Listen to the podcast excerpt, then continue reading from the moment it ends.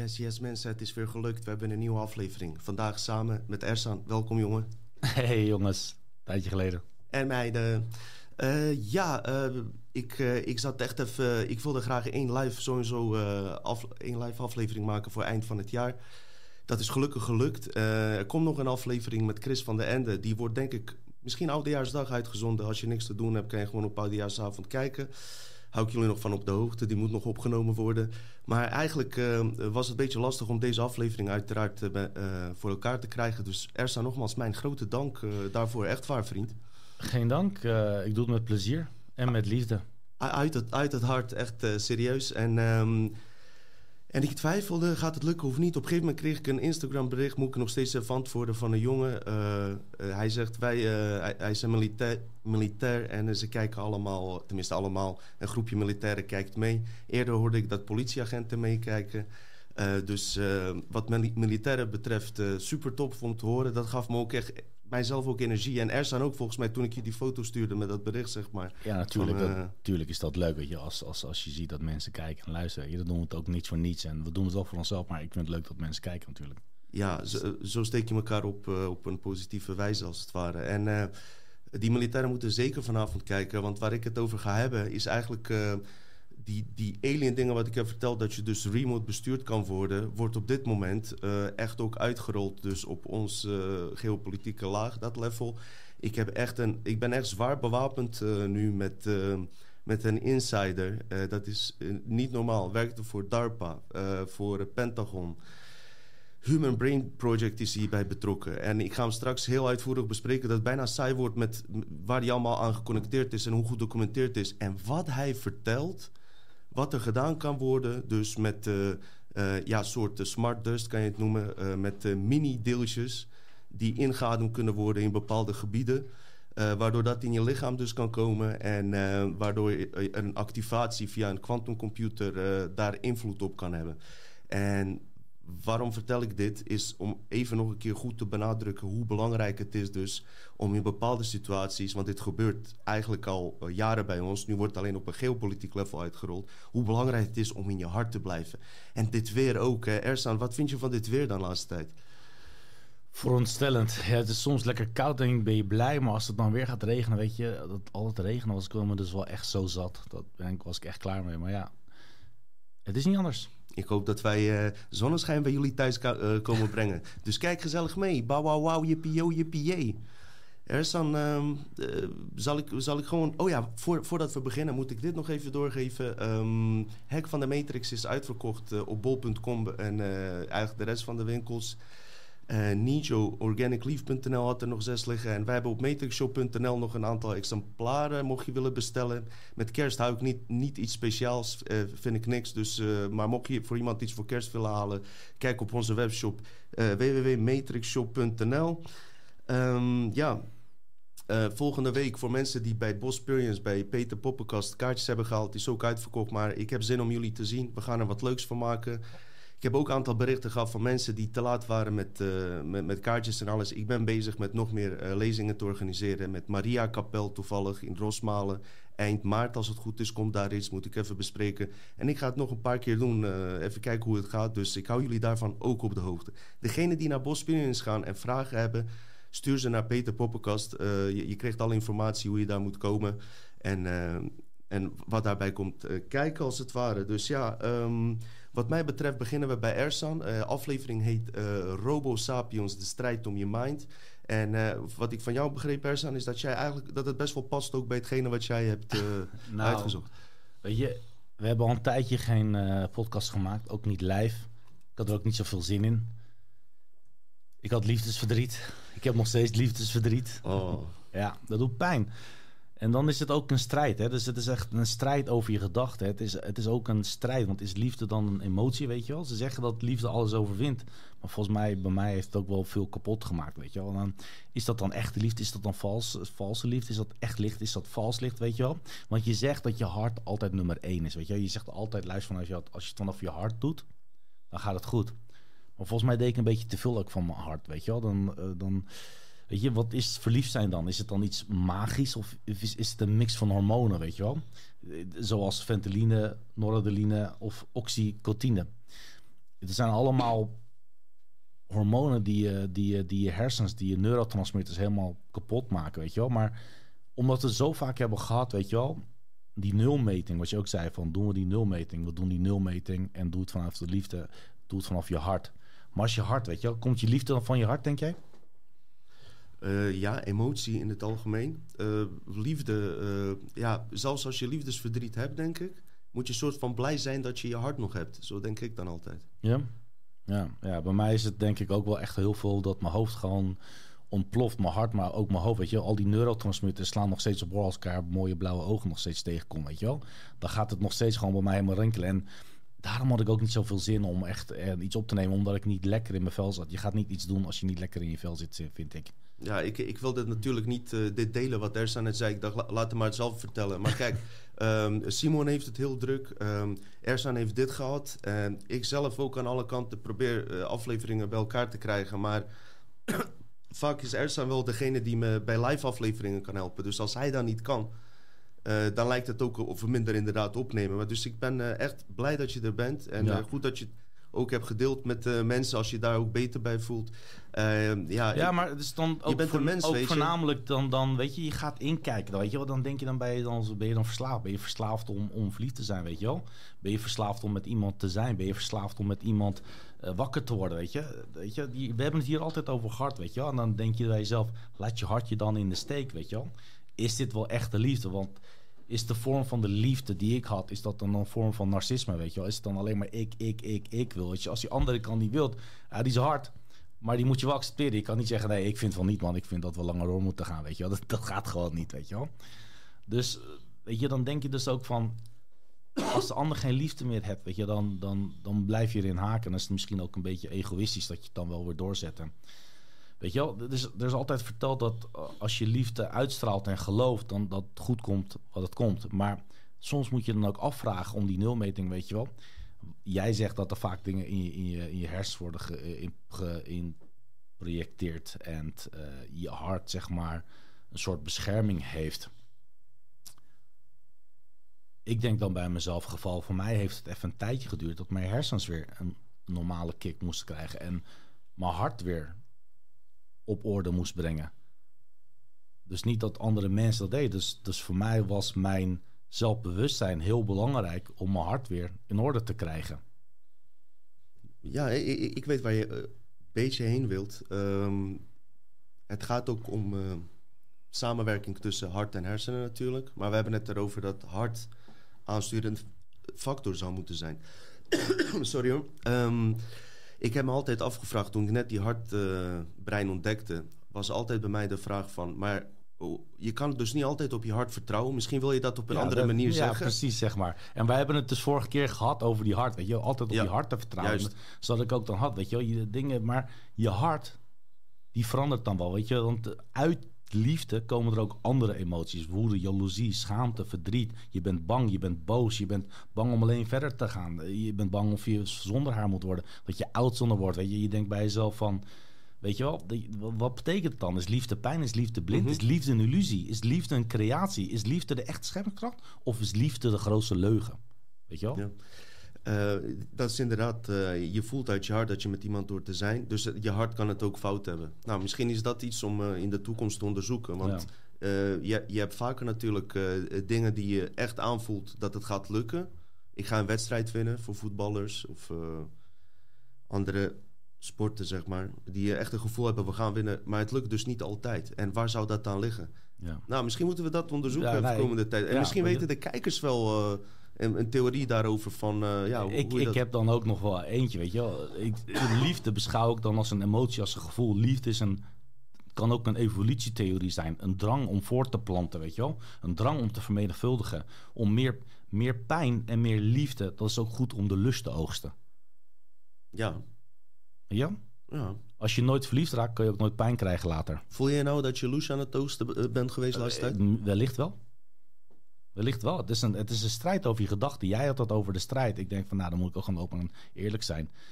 Het thema klopte, de, de, de tijd klopte, de titel klopte. Dus ik denk van, ja, dit is zeker een strijd. Een strijd gaande geweest in mijn hersens. Misschien hebben mijn hersens juist mijn hart even opnieuw uh, gekikt, weet je wel. En even een kickstart gegeven, weet je. Want geloof ik dan echt in liefde? Weet je, want er komt verdriet uit, er komt woede uit. Betekent dat dat ik nu uh, uh, bindingsangst zou hebben? Ik denk het niet, weet je wel. Ik zal me vaker proberen bewust te maken dat ik nog geloof in liefde. Nee, dat denk ik niet. Want wat heeft liefde me opgebracht? Een kapot huwelijk en een meisje die me niet meer wil, weet je wel. Nee. Maar wat ik dan vooral wil zeggen is... Uh, ik heb niet vaak chance, maar als ik dan chance heb, weet je wel... dan zal ik ze adviseren, blijf van me vandaan. Ik heb al twee pogingen gehad, dat lukt niet. Ik, ik wilde net een uh, verzoek doen aan uh, kijkers, uh, vrouwelijk geslacht of non-binair. om, ja, dat ze daar dan ook rekening mee houden, zeg maar. Ja, en, ja. ja nee, weet je, ligt het dan aan mij? Kan bijna niet anders, weet je. Is het dan, is het dan mijn verwachting of mijn bekrompt geest, weet je? Je weet het niet. Mm -hmm, Ik vind vooral wat ik uit je verhaal haal, en dat heb ik mezelf ook afgevraagd, is, is dat wat ik eigenlijk net zei. Misschien valt dat even te onderzoeken van ja, hoe, hoe leer je je eh, vertrouwen volledig dan op je hart, weet je? Want het klopt dus niet altijd. Dus dat is een interessant ja, of is het Of is het eh, een andere emotie, weet je wel? Is, is, is, is, Heeft je brein je misschien misleid? Je weet het niet. Weet je, waar, waaruit komen die andere emoties ontstaan, weet je wel? hoe gaat dat, weet je wel? Dus, ja. Ja. En het moet wederzijds zijn. Hè? Misschien moet je goed op elkaar ook ingespeeld zijn. En het is het moment zelf. Dus op dat moment dat jullie samen waren, was hij ook verliefd op jou. Ja. Dus toen klopt het, maar misschien veranderde daar iets. Of weet je, het is ook een samenwerking. Ja, er ging laatst een jongen trouwen. Ik zeg, doe dat nou niet. En toen zei mijn broer en zijn vriend, jawel, jawel. Hij zegt, een relatie is geven en nemen. Kijk, wij zijn nog getrouwd omdat we alleen maar geven. Weet je, dat is een, dat is flauw grap natuurlijk, maar ja, ik vond het wel leuk.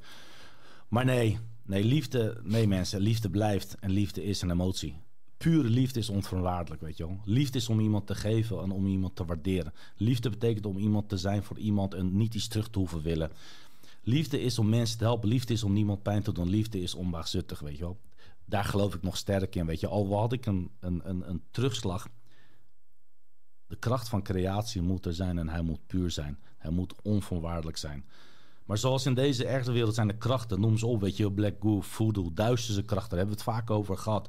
Hoe belangrijk die nulmeting is om een ander vanuit een ander perspectief te zien. Je moet altijd kunnen loslaten, weet je wel. Liefde voor mij was primair. Maar ik heb pas mijn bewustzijn weer onder controle gekregen met secundaire emoties. Weet je wel, die secundaire emoties, weet je, die moet je weer echt even kickstarten, weet je wel. Heb je dan toch eens gedacht, heb je hersens nodig? Wellicht wel. Een gezonde gedachte is de basis van een gezonde relatie. Weet je dat de oude eh, Griekse filosofen, die hadden verschillende woorden voor verliefdheid, voor liefdes? Weet je dat? Nee, nee. Ja, ze hebben er bijvoorbeeld uh, 1, 2, 3, 4, 5, 6 al. Agape, dat is bijvoorbeeld uh, godelijke liefde. Als ik het goed zet. En Eros, wat denk je dat Eros verliefd is? Geen idee. Nee, ook niet als je een hint doet. Eros? Erotica of zo? Juist. Okay. Eros, de seksuele liefde. Okay. Filia, de liefde van vriendschap, weet je wel? Storage, de, de familieliefde. Filia, de egoïstische liefde. Dus ze hadden ook een liefdesvorm dat niet echt positief was ingesteld, maar die was dan voor jezelf, weet je wel? Dat was een soort van narcisme en egoïsme, dat je alleen maar voor jezelf doet. Dat is ook een vorm van liefde. Liefde voor jezelf. Is het goed? Weet ik niet. Is het slecht? Weet ik ook niet, weet je wel. Dat, dat is draconische liefde, hè? Dat je, dat je eigenlijk uit eigen belang omdat je toevallig verliefd bent op iemand, uh, alles aan doet om diegene te houden. Voor jouzelf. dat is dus... En dat kan zo ver gaan dat je dus dat die persoon zelfs iets aan zou kunnen dat doen. Dat is het begin. Nou, dat, dat is ook weer niet. Maar dat is wel dus het begin. Dus dat is dat voor nou dat stukje narcisme. Ik wil, ik wil, ik wil, ik wil die relatie blijven vasthouden. Mm. Wat houdt het aan? Is het echt mijn hart? Of is het gewoon puur een paar hormonen die mij, die mij daarin toe dwingen, weet je, of vasthouden. Weet je, en dat, dat maakt het zo breed en dat maakt het zo ingewikkeld ook. Zou het aan de communicatie tussen je hart en brein kunnen liggen? Dat ze gewoon niet goed communiceren, zeg maar. Eh, ik praat voor ons allemaal, ja, hè, trouwens. Dat, is, ik zeg dat, nee, jij, ik, ik, zeg ook... Ik, ik voel me in jouw verhaal. ik, doe, ik, doe, ik, ik probeer mijn verhaal, zeg maar, mijn gevoel wat ik had... probeerde ik te globaliseren zodat we het hebben. Want we hebben het vaak over hart, brein. En nu maak je het even zelf een keer mee, weet je wel. Nu maak je het ook bewustzijn mee. En dan denk je bij jezelf van... Ah, die is lastig. Want vaak als je dan gaat denken van... Oké, ik, moet, ik moet het vanuit liefde doen. Het heeft geen zin. Het enige wat je kan doen, is loslaten. En dan kan je misschien nuchter zijn. Kan je misschien NPC zijn of wat dan ook. Maar er is gewoon geen andere keuze, weet je wel. Of je, je, je je, je, kan ook natuurlijk verliefd zijn op jezelf, maar dat lijkt me ook niet echt prettig, denk ik. Niet voor mij dan, laat ik het zo zeggen. En er is nog een vriendschap, er is, ook, er is nog een, een, een, een, een liefdesvorm, dat is Zenia, de vriendschap van vriendschap. Dus uh, misschien hebben wij Zenia met elkaar zo. Wat denk je daarvan? Ja, het klinkt eerlijk gezegd als een geslachtsziekte, of niet? Maar eh, in dat geval, als dat zo is hoe hij zegt, eh, hebben we zeker toch vriendschap. eh, ja. Ja. tuurlijk. Ja, dus wat Zo ik- is dit toch ja. ook ontstaan. Wat, wat, wat echt belangrijk is, wat ik echt denk wat echt belangrijk is, dat je gewoon gelukkig moet zijn met wat je hebt. Ja. En dat je daar die Mm. liefde vanuit moet doen. En dat, je dat, dat, dat de verschillende liefdesvormen die je hebt, onvoorwaardelijk moeten zijn. Ik had ooit een quote geschreven, het is wel in het Engels. Live your life with no regret. Have no sorrow to have time to forget. The time you'll never get back. Mm. Diep hoor. Diep. Hey, ik, Hey. ik zie een andere hersen. Mensen, even, kijken hoor. Oh, we zijn nog kijkers, ge- gelukkig. hey, nee, eh, respect eh, trouwens. Maar ik vind het ook mooi dat je uit Dutch Matrix zoiets gevoeligs hoort. En waar, waar kan je dat vinden? Bij een paar soorten mensen. Italianen, Turken en Grieken. Die praten gewoon uit hun hart en die durven dat te zeggen. En ik vind dat zo knap. Dus eh, ja, Ja, nee. respect. Ik- Nou, dankjewel. Echt waar. Ik vind leuk, leuk Maar- dat we dat in onze show, dat soort van vrouwelijke...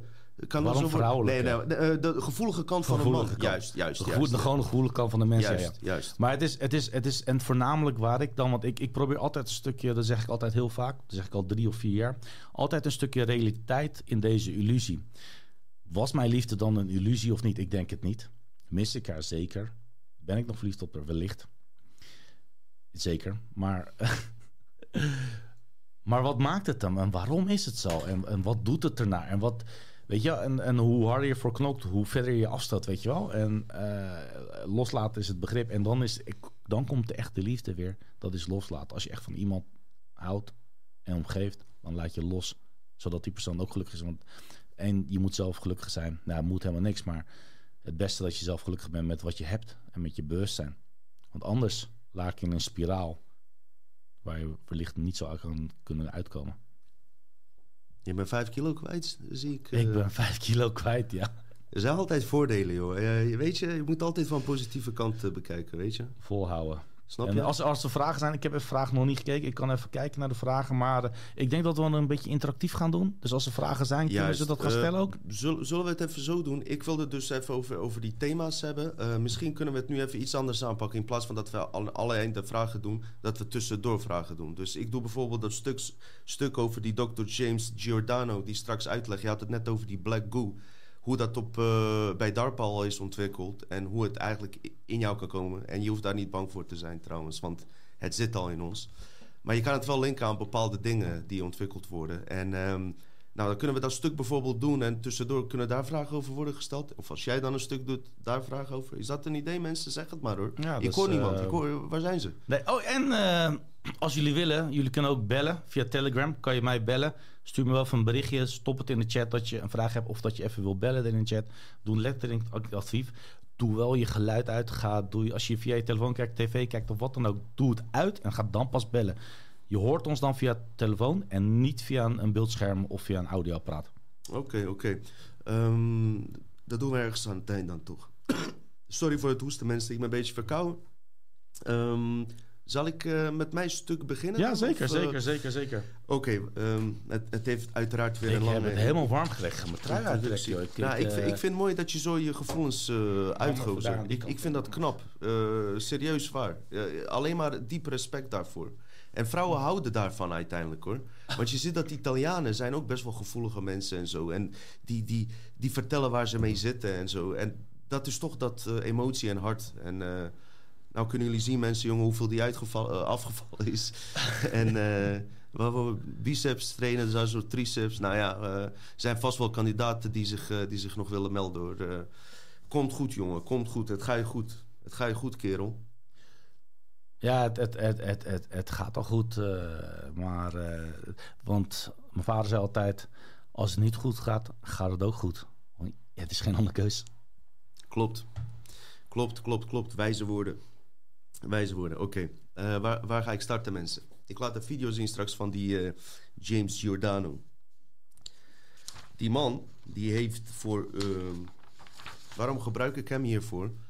Omdat hij zo gedocumenteerd is. Omdat hij zoveel ehm, dingen vertelt...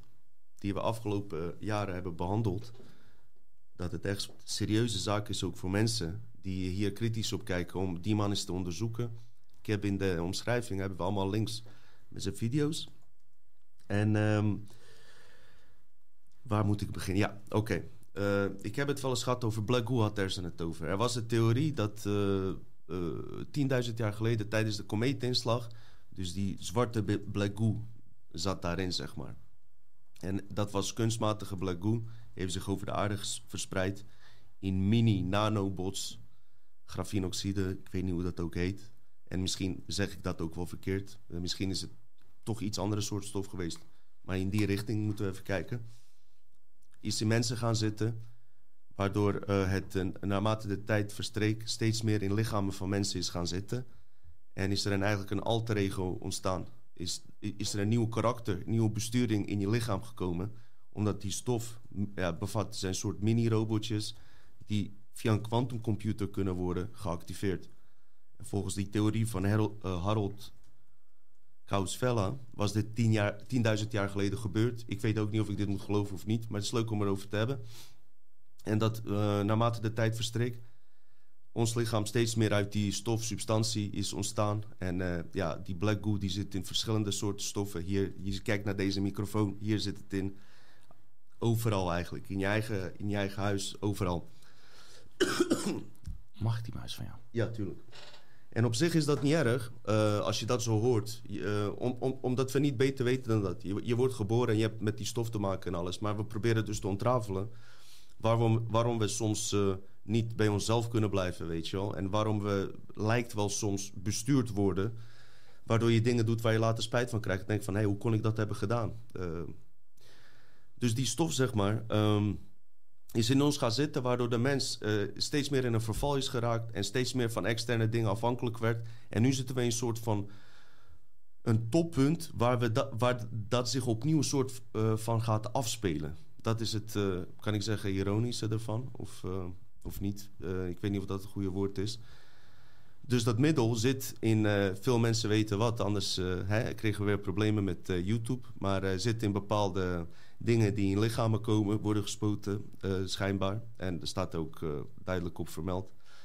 Maar ook in andere stoffen. Alleen het probleem is, als het direct in je bloedbank komt... is dat je filtersysteem veel lastiger daartegen werkt. En dat zou moeten zorgen voor die nieuwe bewustzijnsval. Dus die nieuwe matrix waar we in worden uh, gezet. final step, waarbij je zowat helemaal vanaf je oorspronkelijke uh, vermogen heel lastig bij te komen valt. Om zo maar te zeggen. Je raakt het nooit kwijt.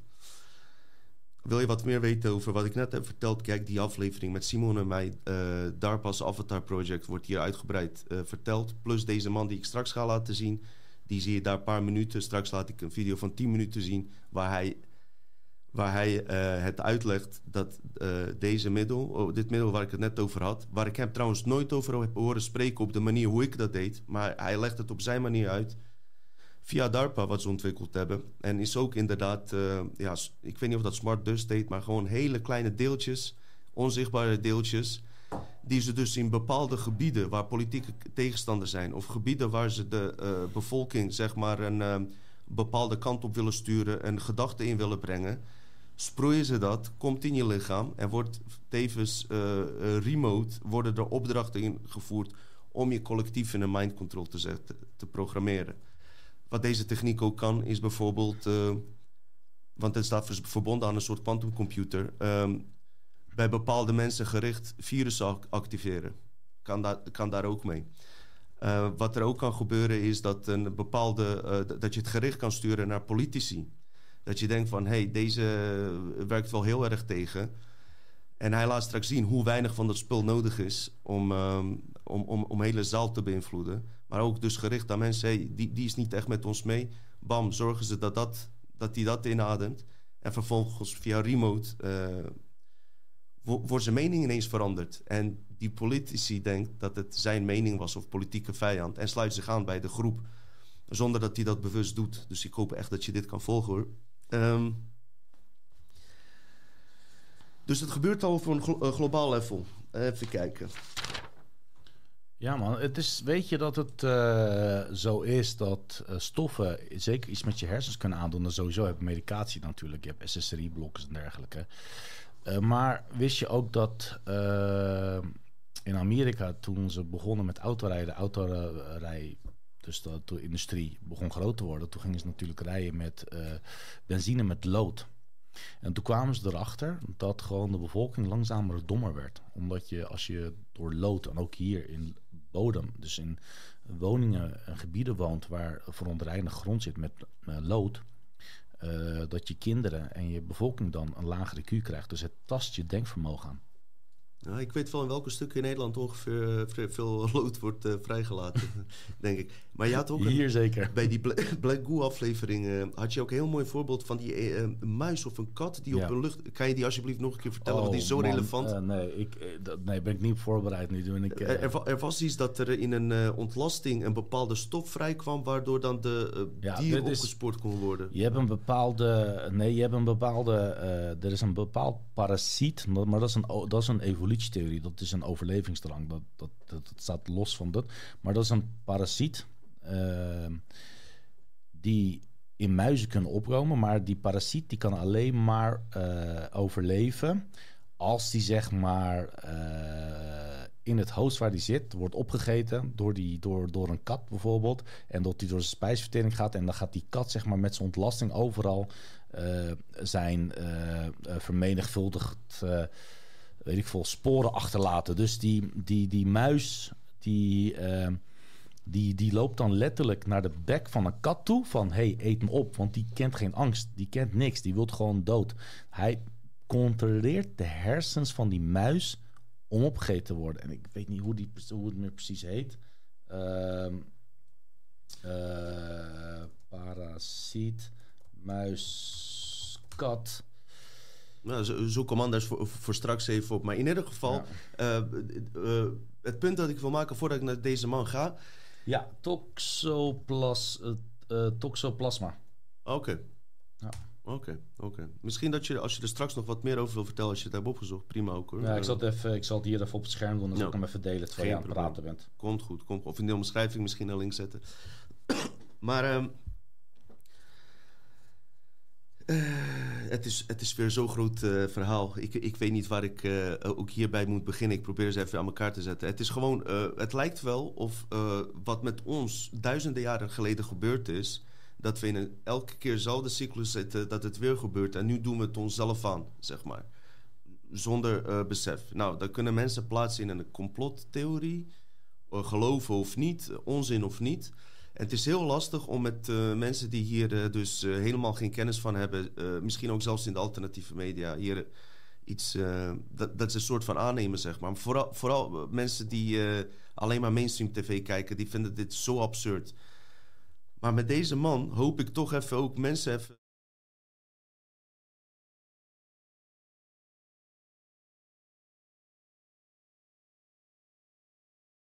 Bepaalde mensen. Als iemand een wetenschapper en zwaar gedocumenteerd is en over dit soort dingen vertelt, en er zijn er tientallen die dat doen, waarom nemen mensen gewoon niet de moeite om, om daar eens serieus werk van te maken? Want als deze man de waarheid vertelt, dan uh, dat, dat, dit is gewoon science fiction, zeg maar. En dat kan je ook wel linken aan films en alles. Nou goed, ik ga beginnen met deze man um, te introduceren. James Giordano ik denk dat het van oorsprong een Italiaan is. En misschien kan je de eerste link openen, Ersan, van die, uh, die, die ik je heb gegeven. Die eerste link, twee seconden hoor. Ja hoor, komt goed. Dan kunnen mensen ook misschien even meelezen uh, met... Wie hij is. En uh, straks uh, ziet u de video uiteraard. Ik begin alvast rustig met uh, vertellen. James Giordano, PhD, MP Hill, is professor in the departments of neurology and biochemistry, chief of the Neurotics Studies Program, leads to subprogram in military medical ethics.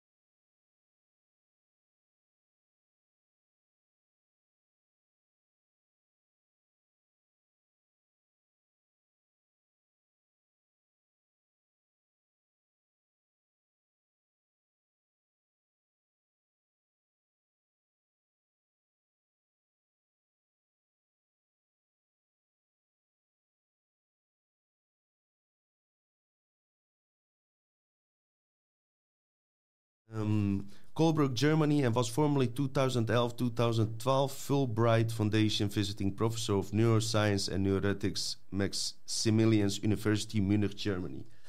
Ehm, ik weet dat het ook saai gaat worden, maar ik ga expres door om even aan te geven wat deze man allemaal doet. Dr. Giordano is currently fellow of the project on biosecurity technology and ethics at US Naval War College, Newport. RI chairs the neuroethics program of the IEE Brain Initiative, is senior science advisory fellow of the strategic multi-layer assessment branch of the Joint Staff of the Pentagon. Ik ga nog even een stukje overslaan, anders wordt het gewoon bijna, bijna te lang. En een hele lijst wat hij allemaal doet. Waaronder dus ook de Human Brain Project. En dat, is echt, dat heeft echt te maken met het collectieve brein. Uh, uh, draadloos, zeg maar, soort van via remote aansluiten op internet. Waardoor je geen Google hoeft te gebruiken, volgens mij, uh, met typen. Maar je, je, je denkt iets en resultaten komen via dat brainnet naar voren. Zoiets is het, hoor. Je kan het fout hebben. Author of 300 publications, 7 books and 20 government white papers on neurotechnology, biosecurity and ethics editor-in-chief of the International Journal of Philosophy, Ethics. En het gaat maar door, mensen. Ik, ik hou maar op, want het, het, gaat echt door wat allemaal, wat die man allemaal dus doet. En um, wat we het beste kunnen doen, is eerst eventjes dus uh, de video laten zien. Het duurt 10 minuten, maar dan heb je ook wat. Ik heb een mooie compilatie gemaakt voor jullie. Waarom? Omdat ik van jullie hou. Hou je ook van je kijkers, Ersan? Of alleen van je, van je ex? Ik, ik, ik vertrouw mijn hart niet meer, man. Of ik van iemand hou of niet. Dat is, ik zit een beetje in een dubio. Hou ik van jullie, hou ik niet van iemand? Is het een illusie? Is het echt? Is het waar? Of is het allemaal fake? We gaan het zien. Mensen, jullie hoorden de eerste keer hoorden jullie Dino niet. De tweede keer hoorden jullie Dino wel tijdens het praten. Het is gelijk gefixt. Oké, okay, um, hebben ze wel alles gehoord? Uh, uh, alleen het eerste, dus, ja, je, je ja, weet niet wat. Weet je, die, die, in het heel kort nog een keer. Uh, die, die man is me in, in zulke gigantische, bij zulke gigantische projecten bezig geweest. Ik heb net zo lang opgenoemd dat zelfs die mensen die het niet gehoord hebben, alsnog later alsnog hebben gehoord. Hele lijst dus, waar die, waar die aan deel heeft genomen en wat ik nog niet heb verteld. Dus onder andere ook voor Pentagon, Washington en DARPA. En wat hij dus zegt, wat bij DARPA gebeurde, er is een discussie geweest toen hij daar was. Ja, twee seconden. Ik ga het nog één keer testen voor de, voor de, okay. voor de kijkers. Dus ja, we praten nu gewoon even door terwijl, uh, terwijl er niemand hoort. Horen jullie mij? Ja, toch? Nee, toch? Ja. Dus even kijken. Ja, ga maar weer door. Ja, je kan door. Is het zo dat als de foto verschijnt, dat, die, dat ze dan Nu niet meer. Nu, nu oh. werkt het gewoon. Maar hebben ze me de hele tijd niet gehoord? Nee, alleen uh, vier seconden, vijf seconden niet. Oké, okay, oké. Okay. Dus ze hebben wel gehoord uh, wat die man allemaal doet. Oké, ja. oké. Okay, ja, ik, ik, deed mijn best om hem gewoon goed voor te bereiden. Um, ook voor DARPA heeft hij dus gewerkt. Er was altijd een discussie. De, deze techniek, natuurlijk zeggen zij, gebruiken wij alleen voor het goede, weet je wel. Voor, uh, voor bepaalde uh, Russische zogenaamde vijanden om hun te manipuleren.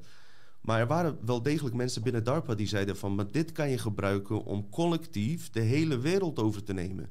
Zover is die techniek, weet je. Want je kan die zwerm dus met die nanobots... Uh, kan je uitgooien over gerichte gebieden. Dus je kan over een heel gebied... kan je dat uitgooien en mensen manipuleren remote daarbij.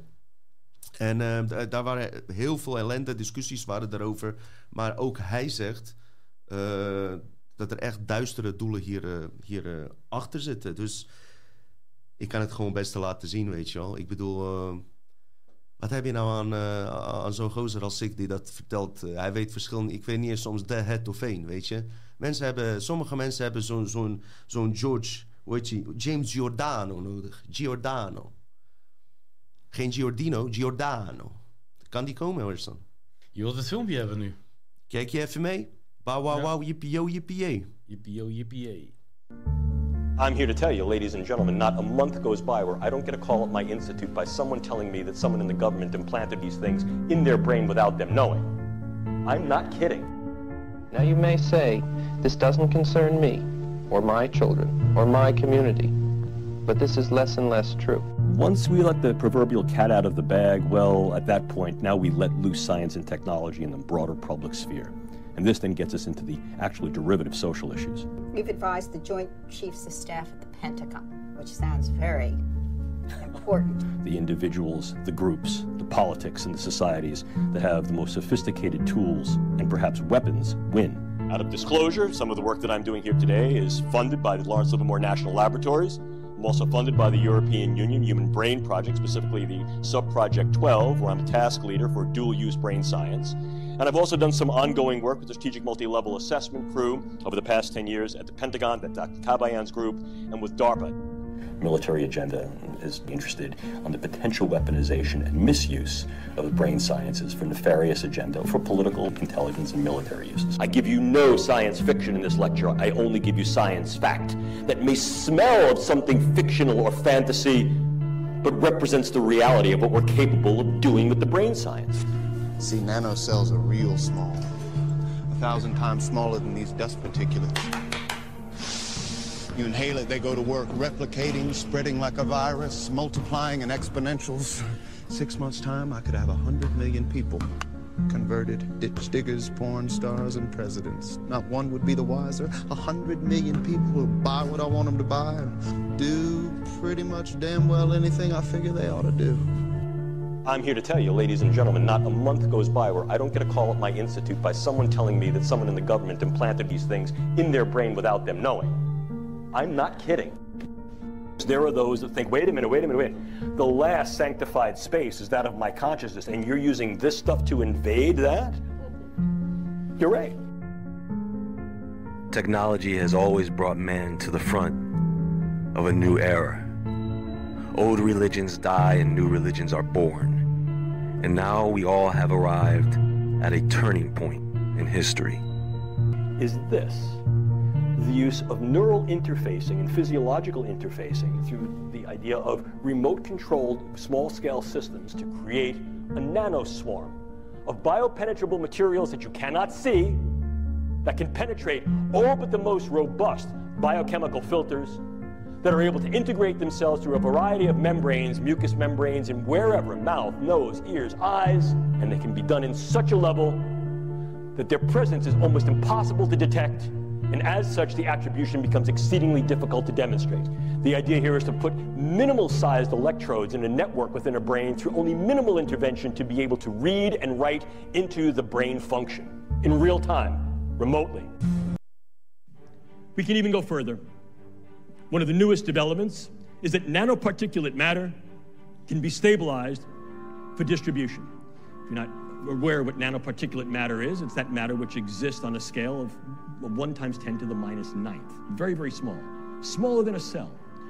And we can manufacture materials that have discrete properties that can be controlled by virtue of bioengineering and their physical chemistry. To auto aggregate, to be able to aggregate in particular areas based upon their biological and or chemical sensitivity. But now we go one step further. Most recently, just a few weeks ago, it was announced that you could then aerosolize nanomaterials.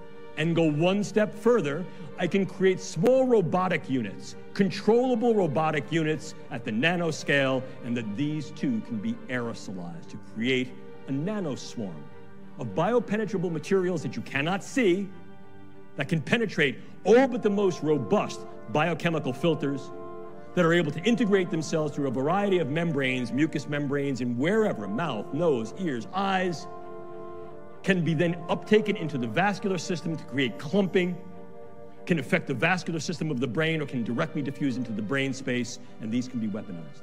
And they can be done in such a level that their presence is almost impossible to detect, and as such, the attribution becomes exceedingly difficult to demonstrate. How much of this material would I need? Take a look. This is the front of my pen. This amount of nanomaterial, if be able to maintain and sustain with regard to its deliverability and aerosolization, could in fact affect all of you, or based upon where I come from, New York City, all yous. Look at this. Look at this. I'm carrying that material. Would you see it? Would I have to lug a giant weapon into the room? No, I wouldn't. And what if, in fact, I utilized some form of an unmanned aerial device or unmanned ground device as a delivery vehicle? Something like a drone or a bug. Could I do something with that? What we're here to talk about today is the fact that the brain is and will be the 21st century battlescape in many ways. End of story.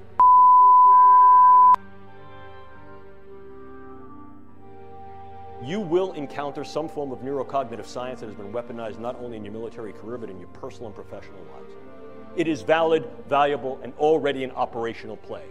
The brain is the current and future battle space. What's new about this is the in close nature of this. Increasingly, we're not seeing these things as weapons of mass destruction against gross aspects of the population.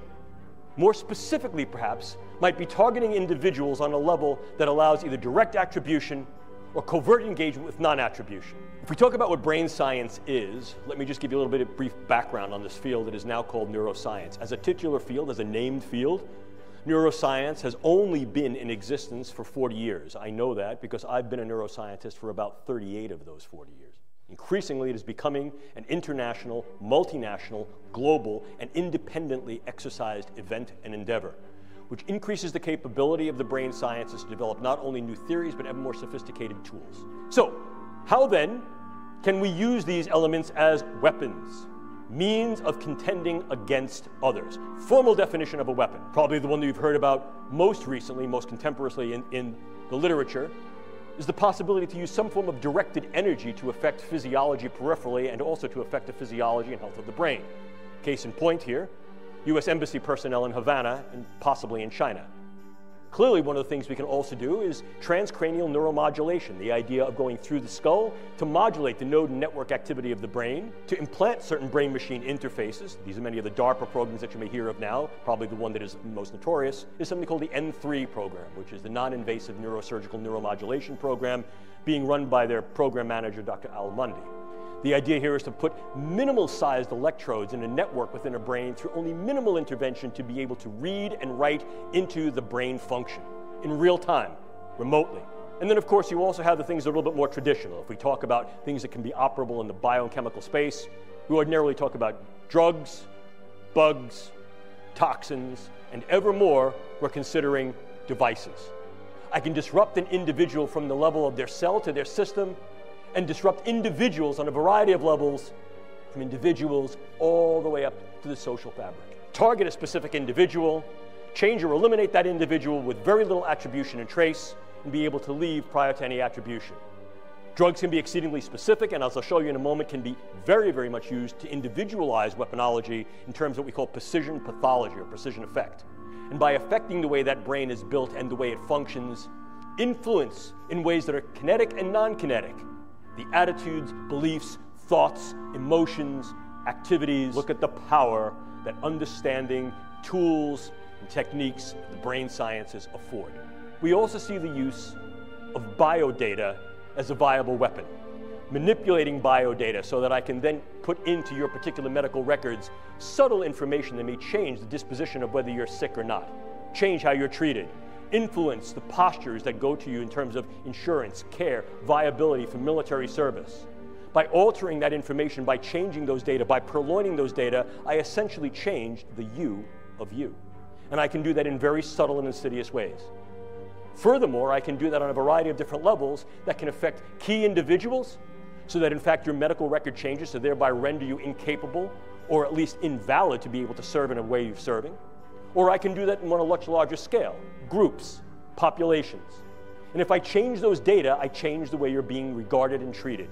And I can do that in one of two ways. I can do it in such a way that you're going to be regarded in a negative sense, or I can do that in such a way that I'm going to treat you incorrectly.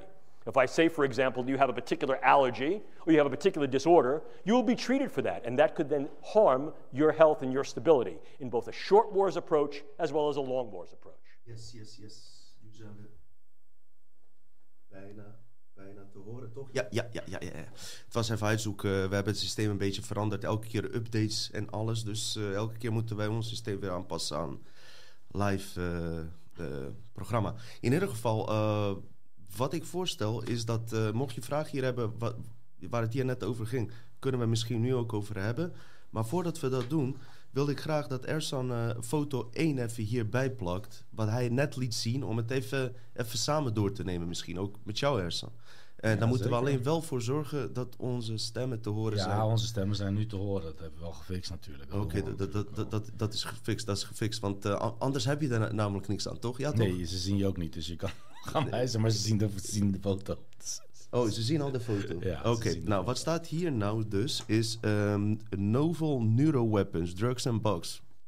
Enclosed pharmaceutical and organic neurotoxins. Ultra low dose high specif specified agents for use in targeting. Ze gebruiken het woord agents, dat vind ik wel interessant. Diplomat, diplomatic local culture. Want dit is uit een officieel document, hè, trouwens. Diplomatic local culture hearts and minds scenarios. High mortality neuro micro, microbiologic agents, neuro microbials with high neuropsychiatric symptom clusters for public panic, public health, disintegrative effects. Dus ze kunnen gewoon ehm, in, in bepaalde gebieden, als ik het goed vertaal, als het niet goed is, zet maar in de comments, uh, paniek veroorzaken. Weet je, gekte. Oh Hans, Gene-edited microbiologicals with no vulnerability mortality profiles, nano-neuroparticular agents, high CNS aggregation, lead carbon, silicate nanofibers. En mensen weten waar dat in zit. Auw, het prikt een beetje. Uh, network disruptors, neurovascular hemorrhagic agents for enclosed and population uses, stroke epidemic induction agents. Nou, uh, wat mij betreft kan je die die foto op zich wel uh, weghalen. Uh, in, interessant speel. Wat vinden jullie ervan? Hebben jullie na de aanleiding hiervan nog eventueel vragen misschien, uh, Ersan? dat zou je ze moeten vragen. Er was wel één vraag, maar dat ging over blowen, geloof ik. Over smoken? Over smoken, ja. Waarom over smoken? Nou, dat was op zich wel een... was op Waarom over smoken? Waar heb je problemen? Zoek je problemen? Nou, dat was op zich wel een legitieme vraag, zeg ik. Zo zeg je Joegoslaaf, hè? Zoek je problemen. Is een mooi accent, of niet? Ersandina, hoe kijken jullie naar het blowen tijdens de, ons aardsproces? Hebben jullie regelmatig de gedachte of gevoel om binnenkort te gaan stoppen met blowen? Nou, ik kan je daar antwoord op geven. Ik blow niet, want ik hou van de controle van mijn mind. Uh, ik hoef het niet uh, met wiet uh, te gaan verhelderen. Helder gezegd, helder gezegd. Ja, ik smoke wel, ja. Um, Heel kort, ik smoke wel. ik denk uh, zelf dat je beter niet kan doen, eigenlijk.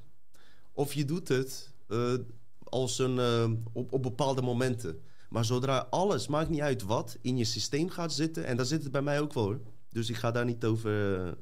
ik ben daar gewoon eerlijk in. Alles, ook al is het chocola eten of elke dag appel, weet ik veel als het in je systeem zit en je wordt er afhankelijk van, is niks goed. Dus ook dat niet. Dus eigenlijk, ja, kan je beter niet, niet doen dan, zeg ik heel eerlijk. Al doe ik het zelf wel. Ah. Heb jij verslaving, Ersan? Liefde, man. Ja, dat, ja, ja, dat is wel een organische verslaving. Dus uh, ja, liefde is... ja, we doen eigenlijk alles om de liefde. En dat, dat is ook het probleem, hè, weet je, bij jeugd. Want we hebben het natuurlijk ook over robo sapiens. Hè, maar laten we het even trekken naar dat geopolitiek level even tussendoor. Um, Waarom posten mensen alles op die fucking Instagram? En uh, moeten ze alles laten zien? Ik ben daarachter gekomen. Um, ik denk vrouwen die, die, die, die zoveel posten en die dat zo belangrijk vinden... die hebben te weinig liefde gehad van een vader. Of juist te veel liefde van een vader, als je begrijpt wat ik bedoel. En, en, en voor mannen geldt het misschien van hun moeder. Ik, ik, ik weet niet, maar we komen allemaal blijkbaar een soort van liefde tekort. En ik merk zelf ook Natuurlijk ben je meer blij als je meer leuke reacties hebt en likes, dan dat je compleet wordt afgebrand, toch?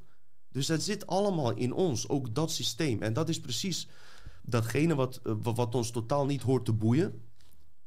En die zwerm waarover wordt gesproken, en wat ik denk dat het van die insectoïde wezens eh, komt die, die de aarde op deze manier hebben gekoloniseerd, onder andere, dit is zo'n klein stuk van verhaal is dat dat bij ons is geïnstalleerd, maar eigenlijk niet bij ons hoort. Wij horen daar uh, niet mee te zitten, zeg maar. Want op het moment dat jij wel in je hart zit en je bent verliefd, zeg ik in dit geval aan het begin van je liefde, je bent echt verliefd, hè? En die uh, persoon is ook verliefd op jou, jullie, hebben dezelfde uh, leuke tijd. Of je bent gewoon verliefd op het leven, op, op je gezinssituatie die je al hebt. Dan boeien die negatieve reacties je veel minder dan dat je in een traumatische toestand verkeert. Want ben jij dan ook ergens aan, eh, als je verdrietig bent, um, heb je daar een kort lontje? Zeg maar, word je sneller geïrriteerd op. Hebben andere mensen er last van? Ja, dat kan. Ja, kijk, je gevoel, gevoel. Je hebt altijd maar vaak. Je, kan alleen maar één gevoel tegelijkertijd hebben, weet je wel? En je, je drukt altijd uh, één gevoel weg. Je moet je zo zien: je hebt vier basisbehoeftes, vier, basisemoties. Uh, en als je de ene emotie hebt, dan druk je op die andere emotie. Dus het is een heel normaal menselijk reactie om dat te doen. En dat zijn wel primaire reacties, wat ik ook zei. En, de juiste secundaire reacties, die helpen je bij om, om, om te kunnen trainen. En je hebt heel veel lessen om het in controle te houden, om, om, om, om het te kunnen beheersen, zeg maar.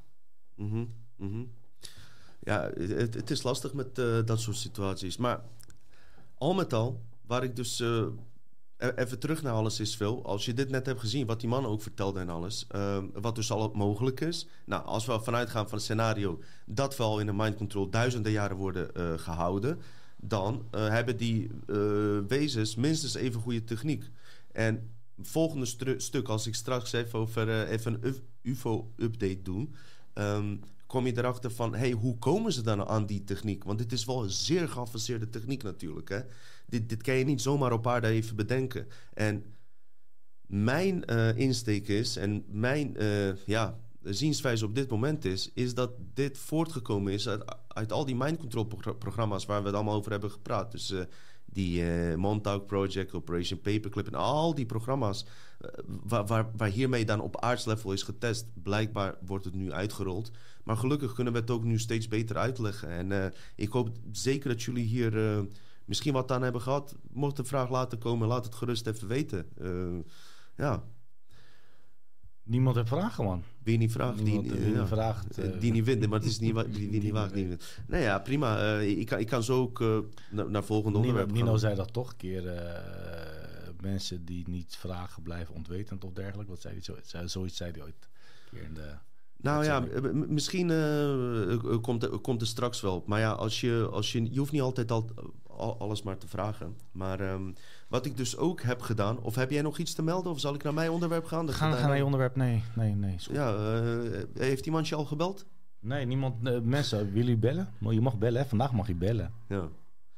069 666 0611. 0611. Ja, maar dat waren ook... Nu, nu, oh, eh, vroeger dus hadden we van die ehm, erotische lijnen. Toen, ja, toen was nog geen eh, eh, Pornhub en zo. En ehm, toen had je op tv tot drie uur s'nachts... Ik zeg even tegen jongeren kijken, maar meesten weten het wel. Kon je allemaal nummers bellen en dan kreeg je zogenaamd die vrouw aan de lijn. Maar haar kreeg je nooit aan de lijn, maar gewoon iemand anders. Maar hoe werd gespeeld met die 06-nummers? Lieten ze zeg maar een vrouw zien. Ze was misschien net 18, maar ze moest een tiener spelen, toch? Kan je dat nog herinneren, Hersen? En dan, dan eindigde dat nummer elke keer... Want ze hadden op 12, op 13. En dat benadrukte ze. Dat werd zelfs met 12 en 13... eh, pedo's die meekijken weten precies wat ik bedoel. Eh, werd dat echt zwaar benadrukt. Dat kan toch niet als je zo terugkijkt dat, dat we dat normaal vonden toen. En mensen weten wel die toen eh, gekeken hebben. Eh, heel vaag. Maar goed, oké. Eh, volgende stuk. Eh, wat ik dus ook heb gedaan, even een update eh, wat betreft de eh, UFO. ehm, eh, wat nu via Pentagon naar, naar buiten wordt gebracht. En ik merk dat er op mainstream nieuws steeds meer naar buiten komt. Maar er gebeurt verder niks. Naar mijn idee is het gewoon, gaat het gewoon veel te langzaam. Maar voordat ik hier even heen ga, was ik helemaal vergeten te vragen, man, Ersan. Shit. Waar heb jij de overwinning van Wilders gevierd dan?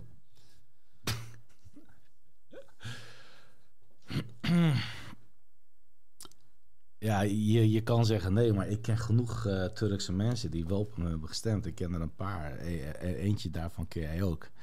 Maar die, die jongen, die, die denkt ook van... Weet je, het is heel simpel. Die jongen denkt ook van, luister... eh, het is ook een jongen die wel gelovig is. Maar die jongen die zegt, ja, ik geloof er allemaal niet in. Maar hij zegt, luister eens, mijn vrouw die werkt in de zorg. Mijn dochter gaat in de zorg. Mijn kinderen willen een huis. Dus het problematiek wat er is, er is geen vertrouwen meer in wat er zat of wat er zou gaan komen, wat hetzelfde zou zijn. Dus die mensen die erop hebben gekozen zijn blij omdat ze hopen verandering te krijgen. Maar ik kan je één ding vertellen, verandering gaat er nooit komen. We worden altijd hier als een illusie eh, gespeeld. En waarschijnlijk krijgen we die shit wat jij net liet zien in ons hoofd om eh, paniek te verzaaien. Mm, mm, mm. Eh, het viel mij inderdaad op dat er zoveel buitenlanders op wilde stemmen. Eh, m- mijn mening, niet dat het wat boeit, want ik heb hier bijna nooit over. Ik heb wel iets en ben ik benieuwd wat jij hiervan vindt, Tarzan. Ik heb wel een leuke J- vraag gekregen. Ja, maar gaan we door. Oké, jij, jij weet dat ik eh, in aflevering 2 al heb gezegd dat ik eh, ook Wilders niet zie als een... Ja, dat ging over links en dus rechts. er zijn zoveel dingen, ja, maar er zijn zoveel dingen waar ik met die man niet eens was. En het was onsmakelijk wat hij over moslims zei en alles, maar dat is lang geleden. En hij zei, we moeten over onze schaduw heen stappen. Ik vind wel echt dat het Nederlandse volk... En is echt niet slijmen tegenover Nederlanders... of dat ik bang ben dat hij mijn land uitstuurt. Echt niet. We zijn er nog. Hij moest wel die kans krijgen, weet je. En weet je waarom dat goed zou zijn? Want ik denk namelijk ook dat er niet, niet, veel verandert. Maar als ook die groep dat inziet... Ja, dan komen we misschien in een sneller proces terecht. Want ik denk dat mensen nog steeds in een illusie leven... dat zelfs als Wilders een groot eh meerderheidskabinet zou hebben... dat er wat zou kunnen veranderen.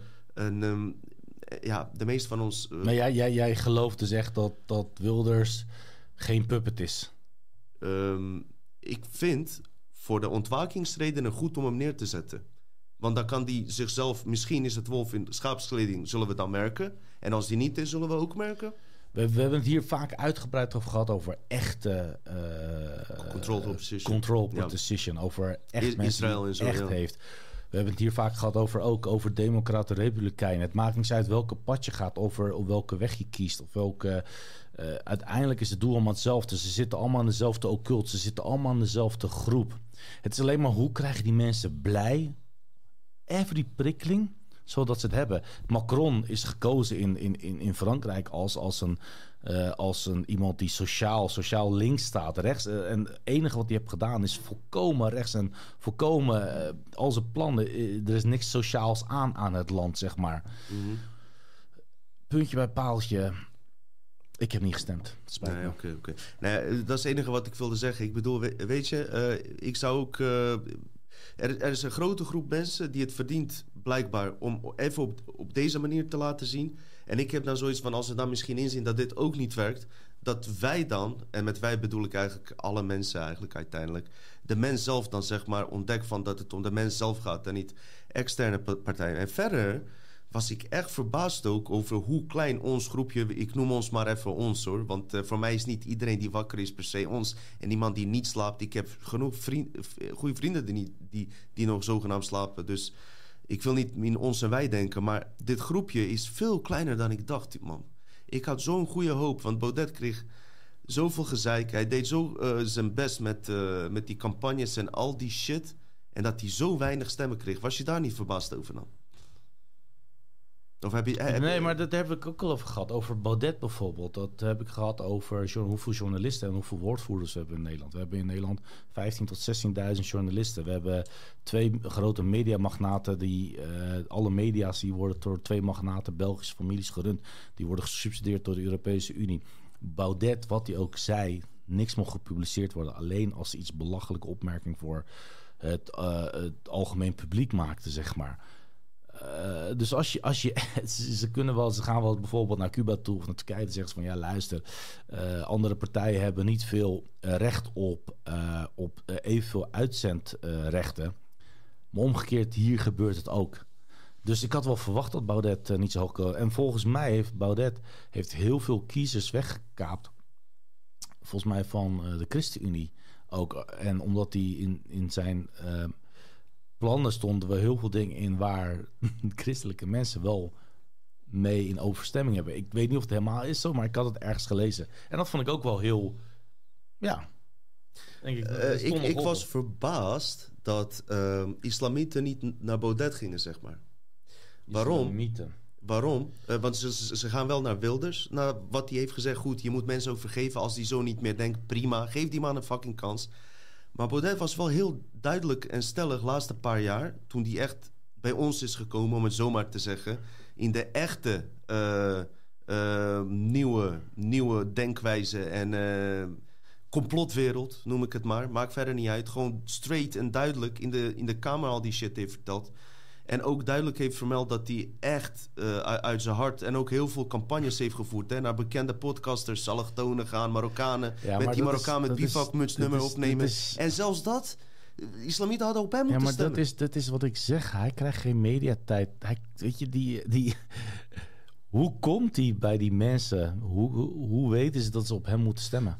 Blijkbaar dus is het zo dat eh, heel veel islamieten ook niet eh, goed zich laten informeren wat er werkelijk speelt. Want als ze- Of, of, of, als ze dat dachten, of draai het om wat ik zeg. Hij krijgt geen mediatijd. daarom, Juist. ze informeren zich dus via mainstream media. Ze gaan niet kijken naar hun YouTube-kanaal bijvoorbeeld. Ja, maar als je, niet weet, als, je, als je niet weet van Dutch Matrix en je zit wel in de flow en je Ja. hebt nog nooit van ons gehoord, kan je niet die persoon kwalijk nemen dat hij niet naar ons kijkt of luistert. Oké, het is geen gelijkenis. Natuurlijk, hij is een politiek figuur die ook op tv in de Tweede Kamer aanwezig is. Dus is totaal iets anders. Maar goed, ik was daar dus een beetje verbaasd over. Maar wat ik wel denk, ehm, de jongere eh, partij was die op nummer 1 of nummer 2. Waarom? Omdat jongeren dus, net wat jij zegt, meer op social media zitten. Dus bij de jongeren was hij op 1 of 2 eh, waren ze. Dus er zit wel hoop. Kijk, even mijn prognose en dan ga ik verder misschien, als jullie niet leuk vinden, eh, nog over UFO-dingen, nog een paar dingen. Maar stel je voor, eh, Wilders komt aan de macht met een kabinet en ze verneuken het helemaal. En we zijn bijvoorbeeld acht jaar verder. Zolang wil ik trouwens helemaal niet wachten hoor. Maar daar heb je grote kans dat Baudet wel kan winnen. Omdat die eh, heel veel jongeren die nu 14, 15 zijn, die zich hierin in- interesseren, over acht jaar mogen stemmen. En, eh, en de, de, de, de, de, de social media is dan veel groter nog effect. Heeft het dan, heeft het nu al, maar dan televisie zou die nog kans kunnen maken. Ik wil alleen zeggen dat ik er echt van sta te kijken. Eh, ik weet dat we groot als mens zijn, maar als groep, na fucking COVID, na alles wat er is gebeurd. Hoeveel, hoeveel stemmen had hij uiteindelijk? Hoeveel eh, zetels heeft dat, Baudet? Kan iemand dat even in de comments zetten? Drie, vier zetels? Drie? Zetelverdeling Tweede Kamer. Fucking schande. Ja, maar wacht even, jij, jij vindt het een schande. Eh, Forum van Democratie 3. Partij van de Dieren 3. CDA 5. Dus ja, weet je. Partij, eh, sorry, dus Partij van de Dieren. Ik hou van dieren. Daar niet van. En eh, FVD hebben evenveel zetels. Dus er zijn. eh, probeer dat even door, door- tot je door te laten dringen. Partij voor de Dieren en FVD op hetzelfde niveau. Ja, maar je, je gaat een discussie aan. Kijk, wat is belangrijk voor jou? Dit is belangrijk voor jou. Voor mensen die eh, in dierenleed eh, het belangrijkst vinden, is voor hun dat belangrijk. Die hebben hetzelfde, eh, die hebben dezelfde argument. Hoe kunnen mensen op, op, op vorm van democratie kiezen en niet voor dieren? Hoe dom zijn mensen? Diezelfde opmerking maken die mensen. Hm. Ja? Ja. oké. Ja, ik kijk altijd van wat speelt er in de wereld. En toch ben ik wel van gelijkwaardig en alles. Maar ik denk de eh, ernst van waar we in zitten... denk ik toch dat Baudet wel met belangrijker thema zit. Want als wij mensen, als het met ons niet goed gaat... eh, wie, wie gaat in die, die, voor die dieren in de dierentuin zorgen? Mensen die ervoor betalen. Ja. Nou ja, nou ja goed. Eh, ieder, ieder zijn ding. Ieder zijn ding. Nee, ik was daar echt- best verbaasd over. Ik had gehoopt dus na die klappen en na dat, die hijsa eromheen... mensen gaan strategisch stemmen. Ik vind strategi eh, strategische stem ook geen stem uit het hart. Dus dat, Ja. strate- strategische stem is matrix stem. Kan jij misschien die stelling plaatsen daar waar mensen op kunnen eh, stemmen? Of is dat niks? Nee, hè? Nee, hoeft niet, hè. Maar het is toch zo, een strate- strategische stem is een matrixstem. Want je gaat weer niet je oerbeslissing daarbij eh, gebruiken... van wat je nou eigenlijk wilde. Het is een misleiding. En misschien heeft Baudet misschien twee stemmen, is die kwijtgeraakt. Maar dan is nog te weinig. starten. Een strategische Ja. stem is een... Matrixstem. Want het is niet uit jouw hart. Ja, ik weet niet of dit überhaupt een polwaardig is. eh, polwaardig Nee, is. Dus, eh, ik heb gestart. wat, wat voor vraag was er, Ersan? Wat vragen, voor vraag was vragen, er? veel vragen. Eén, hoe denken we over de huidige politieke klimaat? Ik denk dat die net is eh, beantwoord. Twee, hoe denken we over eh, de, de machten erachter? Ja. Ik denk dat we die ook net al een beetje hebben gehad. Maar die kan je nog wel even eh, doen als je wilt. Eh, dat is van dezelfde. En drie, het klimaat met het wegwerken van het WEF en andere machten. Helpt dit, helpt dit klimaat met het wegwerken van WEF en andere machten? Denk het niet. Volgens mij eh, is, eh, is Wilders gewoon eh, in, wordt beïnvloed door de Israëlische regering. Volgens mij is dat de IVD daar toch een keer op. Dat hij misschien geld kreeg daarvoor in het begin. Er was toch zoiets uh, aan de gang? Nou ja, eigenlijk als je ziet wat er met COVID-tijd, uh, hoe ze gehandeld hebben, kan je een beetje een idee krijgen waar ze voor staan. Um, weg uit Europa. We zijn gewoon heel erg verdeeld. Uh, Wilders heeft goede punten waar wij mee zijn. Aan de andere kant, als wij onze punten, ik spreek met wij, hè, deze wereld hier, kleine wereld, kleiner dan ik dacht. Maar we zijn wel individueel en als groep veel groter. Dus ik wil ook jullie niet laten denken dat we kleiner zijn. Maar op geopolitiek level zijn we klein. Uh, alle punten die wij belangrijk vinden. Dus bijvoorbeeld al die vaccinaties en shit. En ik wil niet in herhaling vallen, want mensen weten het. Wordt wel door Wilders en door Trump gesteund en alles. En dat is de reden waarom ik altijd al dacht van... Ja, wat heeft het voor zin? Of die uit Europa kan, misschien lukt het wel, misschien lukt het niet. Ja, ik weet het niet. En als we uit Europa zijn, hier, Engeland is uit Europa. Zijn ze ook uit de Matrix? Ha! Ja, oké. Okay. Uh, eh, El Mug. Ik geloof in min en meer dat buik dan hart. En het voelt dan ook dat mijn hart vaker in de steek laat dan mijn hart. Mijn brein is vooralsnog de keuzemaker die twee. Welk, welk gaat jullie voorkeur? Juist. Ja. Um, weet je wat ik probeer uh, de laatste uh, paar jaar? Is daar niet eens over na te denken. Maar gewoon doorvoelen van de beslissing ieder apart. Dus er gebeurt iets positiefs of negatiefs. Zelfs bij positieve dingen kan je ook misleid worden. Maar er gebeurt iets negatiefs. Tot je binnen laten komen, observeren met je hart. En niet over de uitkomst nadenken. Weet je wat wel... En dan wachten wat er gebeurt. Dan treedt de magie in werking.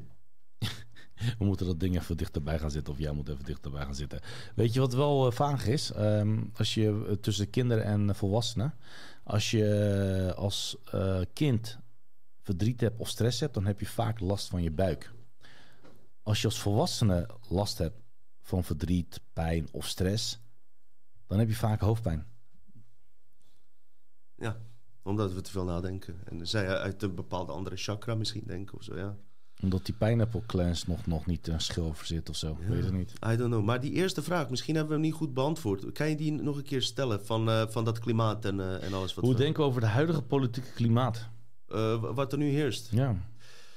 Uh, wat, wat ik, ja, het is een deels beantwoord. En ik ben daar ook geen expert in. Als dat je op, misschien op Café Welsmers of eh, Black Box ziet. Ik wil daar ook geen expert in zijn. Maar ik, ik ga het weer herhalen. Ik ben gewoon verbaasd van het aantal.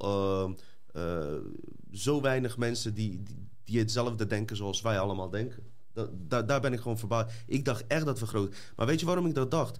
Omdat heel veel mensen, en dat hebben heel veel artiesten die. Nou, niet dat er veel zijn geweest. Sommige artiesten mij hier verteld die hier waren. Mensen spelen ook in op, uh, op de trend. Hè? Toen die COVID was. Hè? Iedereen was ineens een. Uh, leek wel of we met veel meer mensen waren. Het gaat voorbij. Mensen vergeten dingen, weet je wel. Maar we zijn heel snel vergeetachtig. En al die dingen waar we het over hebben gehad, raken op de achtergrond. En dan kiezen ze toch strategisch voor een Wilders in plaats van Baudet. Of, uh, of iets anders. Toch in de hoop dat het op die manier lukt. Dus uh, politieke klimaat. Regenachtig en mistig. Zo zou ik het kunnen omschrijven. Net als het weer op dit moment. Maar wat denk jij dat deze politieke uh, kabinet jou gaat brengen? Als, als, er een, als er een kabinet gevormd kan worden natuurlijk. Ik zou het niet weten. Als, die, als ze die belastingen verlagen, zou ik het fijn vinden of zo. Maar uh, ik weet niet of ik daar mijn je einddoel... Kan, je kan belastingen verlagen, maar uiteindelijk betalen we met z'n allen de rekening. Dus uh, het geld moet ergens vandaan komen. Ik weet het. Maar um, ik wil nou niet uh, raar overkomen alsof ik hoger of breder denk. Maar mijn doelen voor deze realiteit zijn veel groter dan het kabinet mij kan bieden, zeg maar. Ik voel zulke gigantische veranderingen. Zij komen daar niet in de buurt. Baudet ook niet. Maar wat wil je voor veranderen? Iets in onszelf, uitbreiding van ons vermogen. Dat we, maar dan ga je het toch niet met het kabinet doen? Dan moet je zelf doen. Maar wat zou jij willen doen als je... Dino voor president, wat zou je doen? Geen president. Oké. Geen president. Dus sowieso niet uh, op, op, op, op, die manier, zeg maar. Uh, absoluut niet. Ja, maar kijk, en dat is dus het gevaar. Als je wil gaan leiden, je kan wel ja. je, je iets stort. Ja, als, ga maar, jou, uh, ja, dat ding, dat ding stort een beetje, Dino. Komt goed. Uh, dat is dus wat ik zeg. Je kan wel anarchie gaan veroorzaken. Je kan wel zeggen van uh, geen president meer. Uh, geen...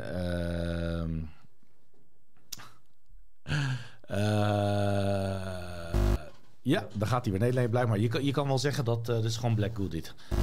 Als je je...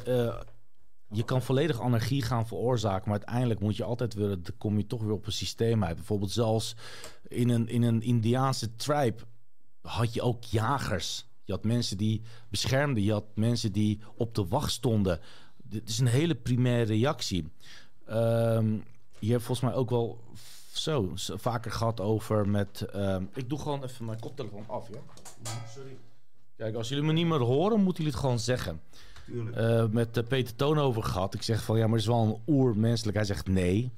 Dit hebben we later hebben we dit uh, als oermenselijk beschouwen. Onze natuurlijke vorm was dat niet. Want eerst wat je doet, bijvoorbeeld als jij op een onbewoond eiland bent en je bent met z'n allen en je ziet in één keer onbekende voetstappen of van iets anders, eerste reacties van hey, moet ik mezelf beschermen? Dat is een hele natuurlijke reactie. Dus als jij zegt ik wil geen president en ik wil geen, uh, ik wil niet zeggen politiestad, maar als jij zegt ik wil geen, uh, hoe moet ik het zeggen, niet volledig controle, maar geen wetten, dan ga je toch alsnog wetten maken. Eerst wat je gaat doen is zeggen van, oké. Okay. Mag daarop reageren? Ja, zeker. Nou hoor ik mijzelf niet. ik, ik hoop dat het publiek ja, ik ben er weer. Ja. Ik had mijn geluid uitgezet. Als het goed is, gaat het nu goed. Ik wil daar, daar graag op reageren. Uh, en ik hoop dat sommige mensen het kunnen begrijpen of niet. Dit zijn allemaal wat je net opnoemt en wat logisch is. Allemaal oorzaak- en ge gevolggedachten. Ja? Die we allemaal gewend zijn in dit matrix-systeem. Wat als dit, wat als zus, wat als dat, wat als zo. Dat is allemaal wat hoort bij die zwerm waar ik het net over had. Ja? Soms moet je gewoon niet nadenken, hoe raar dat ook klinkt. En het gewoon laten gebeuren door in de frequentie uh, te blijven, maar wel jouw ideeën en fantasie gebruiken hoe je deze wereld zou willen hebben.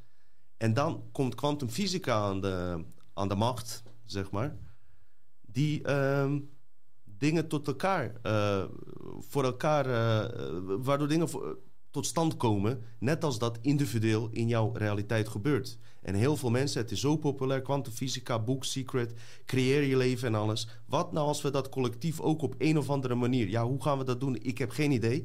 Maar als we dat collectief nou eens zouden kunnen inzetten voor verandering van deze wereld, zonder uh, in dat oorzaak en gevolg, wat als dit? Je hebt toch een leider nodig? Je hebt toch zus? Weg, weg al die dingen. Weet je?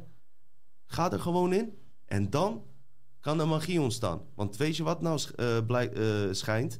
Is dat wij maar... Uh, even kijken, hoe zat het nou? Um, wij zijn ons maar bewust van iets van 8% van matrix-mogelijkheden die er zijn. En vanuit die 8% handelen wij. Terwijl 92% verborgen voor ons is wat er nog is in deze wereld.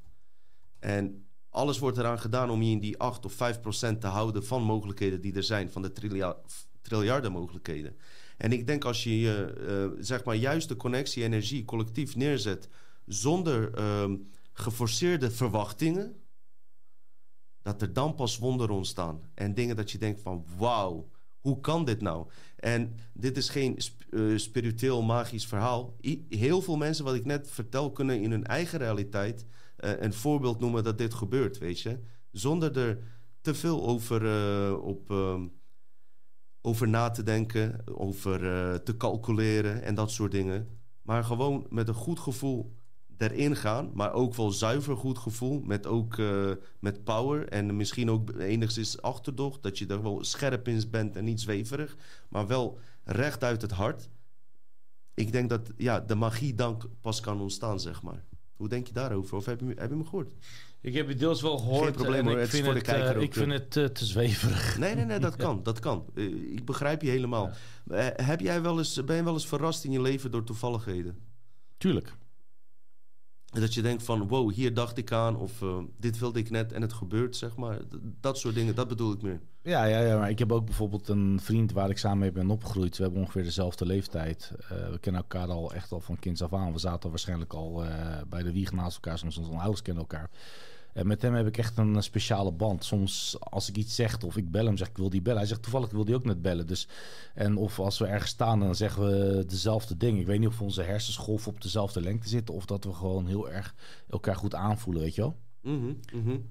Ja, ik, ik geloof dus dat dat uh, niet dan toevallig is. En ik, ik geloof dat daar ergens zeg maar, een weg zit, dat je dan ook collectieve besluiten kan nemen die, eh, die kracht kunnen genereren in deze werkelijkheid. En dat klinkt ook heel zweverig, vooral omdat ik daar absoluut niet eh, veel verstand van heb en ook geen experimenten mee heb gedaan.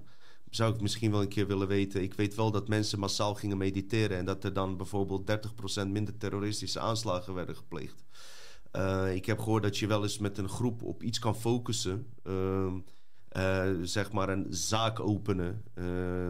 Die van belang is voor de, voor de mensheid. Eh, dus een soort van opdracht echt. In dat geval wel met de verwachting. En dat er wel ja, toch wel verrassende dingen uit kunnen ontstaan. Maar ik, heb er, ben, ik ben daar zelf nooit bij geweest, zeg maar. Maar misschien is het een soort van een eh, hoop.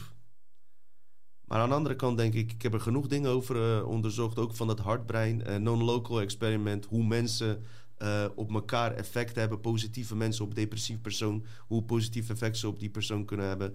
Eh, en die clouds, hoe dat werkt. Dat je, eh, dat je zeg maar een 500 meter om je heen een soort van straling, hartstraling hebt. Die dat effect heeft op mensen om je heen. En dieren. Dus ja, ik vind dat soort dingen wel... ja, misschien is het wel zweverig. Ik, maar ik zie daar wel wat in. Want er gebeuren ook dingen in mijn leven... daar kan je toeval zweverigheid noemen. Dus ook het feit, wat jij net zegt... die vriend belt jou terwijl jij aan hem dacht... zou je ook zweverig kunnen noemen, toch? Want het is gewoon toevallig. Hij belt jou op het moment dat jij hem wilde bellen. Nee, dat noem ik niet zweverig. Ik, ik noem dat meer dat we meer in verbondenheid bij elkaar staan. Hmm. Ja. Ja. En hoe, hoe is die ver- eh, verband dan? Eh, energetisch of zo? Eh, energetisch. we, hebben, we hebben dezelfde humor. We hebben zelf, bijna dezelfde hobby's, dezelfde passies. En ik, ik denk dat we... ja, het is gewoon een goede klik. Je hebt toch ooit gezegd dat... je hoeft niet eh, heel veel mensen te veranderen, maar als je een paar mensen verandert in een, eh, in een, eh, in een groep van mensen van 40.000 of zo, heb je ooit gezegd. Ja, dat is met je? cloud wat ik net zei. Ja, Ja. klopt. Nou goed, tot daaraan toe. Eh, zullen we even met vragen wachten? Dat ik, ik, heb, ik heb even een Oh, UFO oké, ik heb- ja, eh. Ik heb even een UFO-update tussendoor. Uh, Ersan begint eh, Nee, nee, te nee, nee, gapen. nee, sorry, ik moest even naar die reacties. Ik zeg, eh, dat wil ik even aanvullen. Vroeger hadden we geen drempels, maar keilen. Oké, oké. Nou ja. Eh, ik, ik, ik wil er even wat over kwijt. waarom? Eh, om, ja, misschien ook voor mijn eigen ego. Niet echt eigenlijk, ik maak eigenlijk een geintje over. Maar wat er nu in de mainstream allemaal naar buiten wordt gebracht. Er komen nu schrijvers, historici... die dus gewoon over bijvoorbeeld eh, Operation Paperclip schrijven en zo. En... ehm, en, en eh, zelfs de Daily Mail eh, komt met absurde informatie. Ik heb ook wat over de, die eh, Mexicaanse UFO. Dit is allemaal van de laatste paar dagen. Dus kan ik wel even delen, wat kranten voorlezen. Dat we daarna naar vragen gaan. Is dat goed? Is dat goed? Zeker, zeker. Als ik, als ik het in de, in de chat of in, in het beeld moet gooien, moet je maar zeggen. Ja, is goed. Eh, gooi dan, dan eh, die tweede link Ja, heb er ik al doorheen. gedaan. Ja. US military feared UFO's were secret Soviet spacecraft built by kidnapped Nazis rocket scientists. Historian en out, eh, dit is trouwens eh 5 december gepubliceerd. ehm, en historian and author Garrett McGrath writes that some in the military were concerned that the Russians had managed to kidnap Nazi rocket scientists and the at the end of World War II and that working together they had created a flying saucer. Dus eigenlijk wat ze zeggen dat de Amerikaanse eh, diensten bang waren eh, voor Russen, dat zij ook UFO's hadden. Terwijl ze ze zelf ook hadden. The United States government began studying identified flying objects in the wake of World War II over fears that the crafts were coming from Russia, not another galaxy, according to a new book. It, uh, it has now been 75 years since the Pentagon began its decades long quest to try and determine wha- what these UFOs are, where they come from, and who is creating these vessels. It's all kicked off the creation of Project Sign in 1984, but this new book, UFO, The Inside Story of the US Government Search of Alien Life Here and Out There, historian Garrett M. writes that the fear among military officials was that these flying saucers were coming from Russia. Nou, om ehm, even kort samen te vatten. ehm, de- deze man vertelt dus over de Russische eh, ding van eh, operatie Paperclip. En hij heeft het daar in zijn boeken dus over. Een of andere bekende hi- histori- historici. En hij spreekt erover alsof hij iets nieuws heeft ontdekt. Maar even serieus. We zijn al vijf, zes jaar zoveel mensen hiermee bezig. Dus mijn vraag is dan weer, hoe kan het als je een historicus bent? Ik ben een gewoon een normale gozer, toch Hersan? Ben ik bijzonder? Nee, toch? Nee, je bent een, eh, niet een normale gozer, man. Je bent uniek. Nee, maar wat ik alleen wil zeggen, ik begrijp niet als je, met, eh, als je een archeoloog bent en eh, niet een keer serieus die fucking piramides is of een ingenieur, een keer goed die piramides is gaat onderzoeken. Ehm, ik begrijp niet als je een eh, politici bent uit nieuwsgierigheid dat je ook een keer de andere kant van een verhaal gaat onderzoeken. En dat geldt dus ook voor historici die eh Tweede Wereldoorlog eh, bestuderen. Hebben ze 40, 50 jaar lang hebben ze een mainstream verhaal gehoord. En ineens komt dit dan in hun werkelijkheid en zijn ze door het dolle heen. En hoe kan het dan dat gewone mensen zoals jij en ik ja, deze shit al langer weten? Dat is raar. Dat is raar. Dus deze man schrijft erover al- alsof hij het heeft ontdekt, zeg maar. En hij zegt, ja, eh, wat jullie nog niet weten... is dat er ook een open operatie Paperclip is geweest. Nee, ja, dat wisten we nog niet. Dus ehm, steeds meer komt het, eh, komt het naar voren. Dus ook in de eh, mainstream nieuws. En dan ga ik meteen over naar het volgende stuk. En dat is over de DNA of Mexico alien. Misschien ken je die, eh, die, Dino, die ja, link ook zeker, even. zeker weten. Dat gaat me ook wel lukken, Dino. Praat maar gewoon door, hoor. Dan zet ik hem wel Dat door. gaat goed, hè? Horen ze mij wel? Zo, ze horen jou heel goed. Het geluid Mooi. is zo goed, alles is zo goed afgestemd. Ah, alles gaat nu goed. Ehm, ik ben hier nog steeds open of in. Ik zeg niet of deze aliens echt of nep zijn. Ik probeer even de eh, psyche, de trend die ze willen creëren om het eh, ware te bestuderen. Wat willen ze nou? Want ze dringen er echt op aan dat dit ding dus eh, wel degelijk echt is. En het zou zomaar kunnen. Ik sluit niks uit. Ik weet dat iedereen meteen zei, dit is allemaal nep. Die man had al eerdere dingen ontdekt die nep waren. Ik weet het niet. Ik sta er altijd open in. Dus ik ben ook benieuwd wat jullie naar deze artikel denken, zeg maar. En misschien kunnen we straks ook in de chat over hebben. Hier hebben we toevallig hebben we toen met eh, eh, eh, Peter Tonen en wie was er nog meer naast hem? Oh ja, de, onze, eh, onze. Hebben we het over gehad dat, daar had ik het ook nog gezegd, dat, dat Peru en Mexico, die, die, we hadden het toen over eh, de maanlanding bijvoorbeeld. Toen heeft eh, Amerika heeft allemaal maanstenen mee teruggenomen, die heb ik allemaal teruggezet.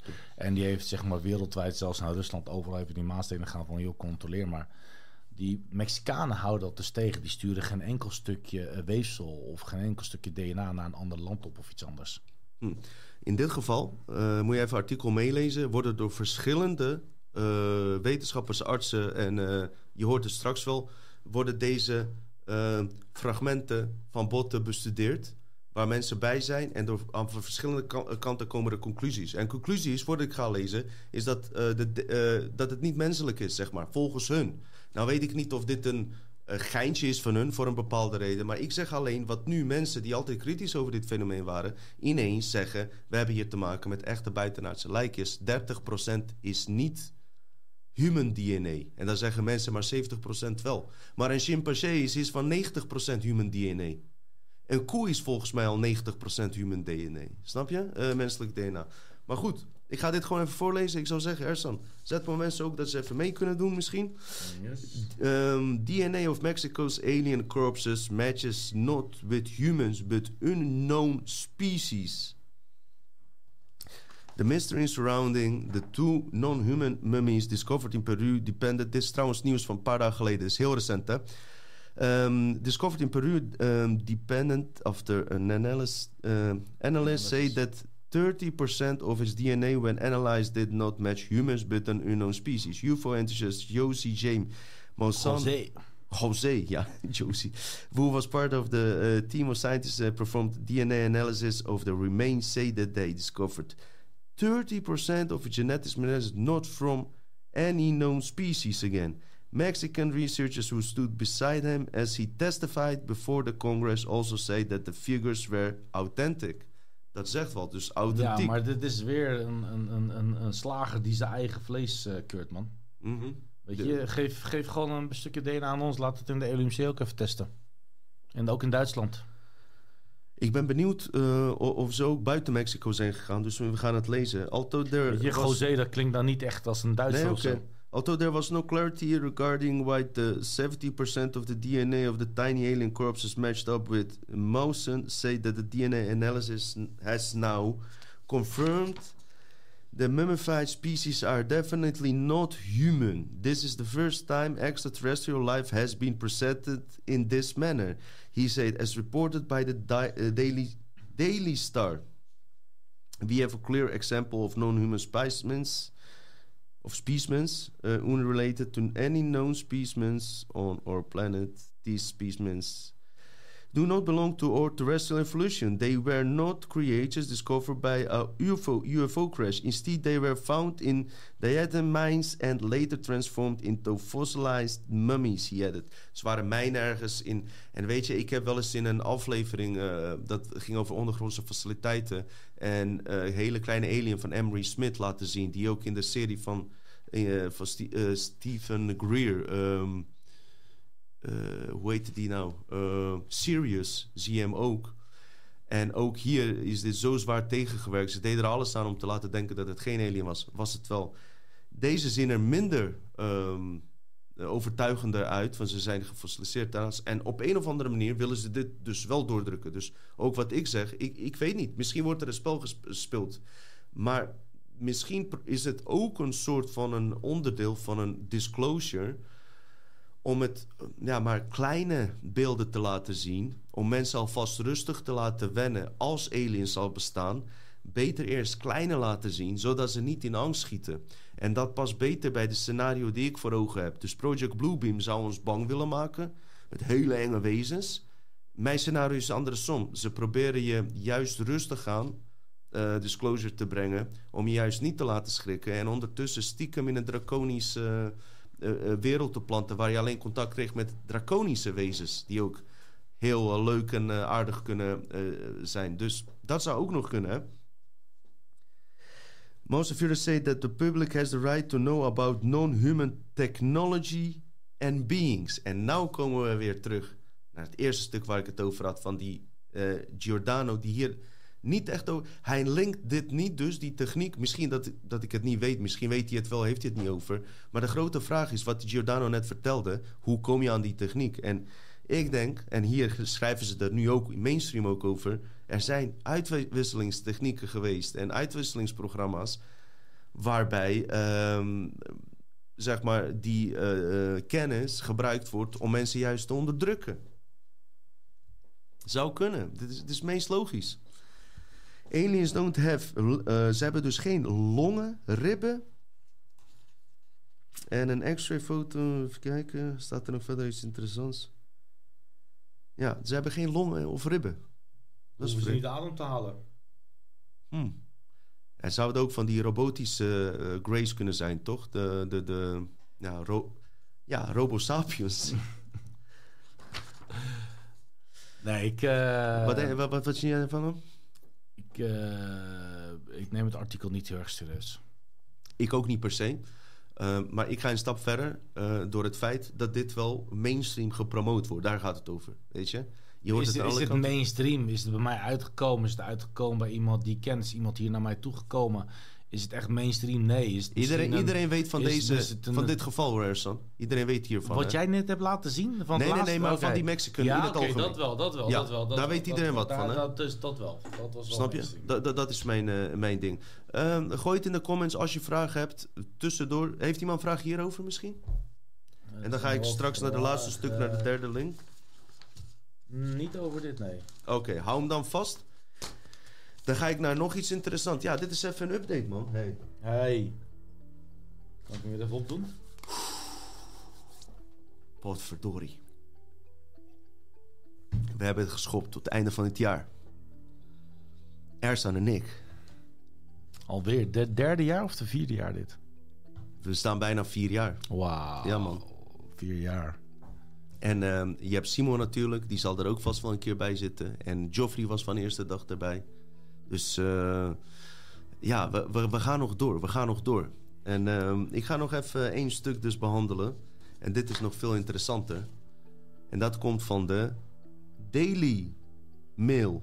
En Daily Mail is toch wel een fucking mainstream uh, kanaal, nieuwszender. Of ben ik daar ook... Ik weet niet, Daily Mail? Daily Mail. En Daily Mail ken ik als echt een mainstream. Een, een, of heb roddel, roddeltabblad, uh, toch? Is meer Nou. een tabblad. Uh, Oké. pers, ja. Oké, maar goed, weet je, dit kwam echt eh, naar voren. Dus eh, dat gaat over de CIA Secret Offices Links. Link 4 er. Link 4 komt eraan, die nou. Ja, CIA Secret Office retrieved UFO's from nine crash sites around the world. Dus er zijn er natuurlijk veel meer, maar de insider die zij hebben gesproken, die vertellen dat CIA minstens negen crash sites, dus eh, Dit, negen. dit is niet de Daily Mail, hè? En die... die, die Nee, maar zij praten erover dat zij dat nieuws van Daily Mail hebben. Dus het is eigenlijk iemand die over Daily Mail praat. Ja, ik zie hier de source. Ik klik er ook even op voor de grap. Okay. The latest revelations add to the growing course that the US government could be hiding advanced vehicles that were not made by humans. The Central Intelligence Agency of the United States has a secret unit known as the Office Global Access, OGA, which has been retrieving several crashed UFOs from across the world, the Daily Mail has reported. At least nine such non-human crafts have been collected by the agency in top secret operations. The outlet Future said in its report the revelation- revelations are based on the accounts of several insiders that Daily Mail spoke to. En dit is ook weer een voorbeeld. Laat mijn hoofd even zien. Voor mijn ego. Zo, dat is een vooruitgang. Nee. Dit begrijp ik niet. Hoe kan je dus ook als nieuwsonderzoeker nu pas hierbij komen? Afgelopen twintig jaar hebben de complotwappies, ufo-wappies met zoveel insiders gesproken en laten zien, gedocumenteerd en alles. En nu kom je er pas mee. En dat is de reden waarom, of je nou in ufo's gelooft, het maakt verder niet uit, maar waarom de mensheid in journalistiek heeft gefaald en het niet meer vertrouwt. Weet je? Dat je daar nu pas mee komt. Wij hebben al 20, 50 insiders behandeld. En, en, en, en David Wilcock en Dr. Michael Salla, eh, Mickey van Leeuwen. Even eentje uit Nederland. En zoveel mensen. Zo, ik denk dat we bij elkaar honderden officials hebben. Dr. Stephen Greer. eh, noem maar op. En nu komen ze pas. Wat doet dat? Dus er moet eerst een trend zijn zodat deze zenders dit ook gaan onderzoeken. Maar goed, maar goed. Um, at least nine uh, such non-human craft have been collected by the agency top secret operations. Dus top secret operations. While some of the UFO's are damaged from crashes, at least two are intact, they said. The OGA, which comes under CIA Science and Technology Dir- Directorate, has played significant roles since 2003 in collections of aircraft believed to be non-human. The sources who Daily Mail spoke to were directly directly briefed by people who were involved in these retrieval missions. Mensen die daar werkten. Vertelde hierover. Gedocumenteerd, anders gaan zij hier niet mee naar buiten. One of them said that the US intelligence agency has a system that can discern UFO's that are cloaked. And when such vehicles land on Earth, specially military units are sent to try and salvage the wreckage. Dan komen die Secret Space Program agenten. Men in Black shit. Ik ga hem gewoon weer erin knallen, Ersan. Ik vind het zo spannend. Doe je hem al in je broek? Komt iets mijn broek uit? Of, Nee, nee, nee. eh, Ik, rook wat. Nee, grapje. nee, nee, nee, nee. Is goed. Ik ga, ik ga verder. Ik ga verder. Eh, voor het muziekje eh, afloopt. Shit, nou weet ik. Oh ja. The OGA protects the secrecy of the retrieval which is carried by the US military. Sorry, ik kreeg een hele leuke vraag. Um, the agency works with special operations forces such as SEAL, S-E-A-L, teams to carry out the mission, the outlet further said. The latest revelations add the growing course that the US government could be hiding advanced vehicles that were not made by humans. In juli this year, Senate Majority Leader Chuck uh, uh, is naar voren gekomen, ik vertaal het even, en je hebt David Grush. Is mijn hoofd al te zien? Of al die Ja, tijd? ik heb wel echt een hele goede vraag. Eh, wacht even, wacht Ja, even. Eh, eh, dus die David Grush was naar buiten getreden, heeft hierover verteld in de podcasten, noem maar op. En dit is best wel absurd waar we over spreken. Er zijn alien bodies, volgens de, wat er wordt verteld, geheime uitwisselingsprogramma's, ehm gecrashte UFO's. Mensen, we leven in een real life, X-Files, Skull, Scully en Mulder. Hoe heet die andere? Skull en Mulder?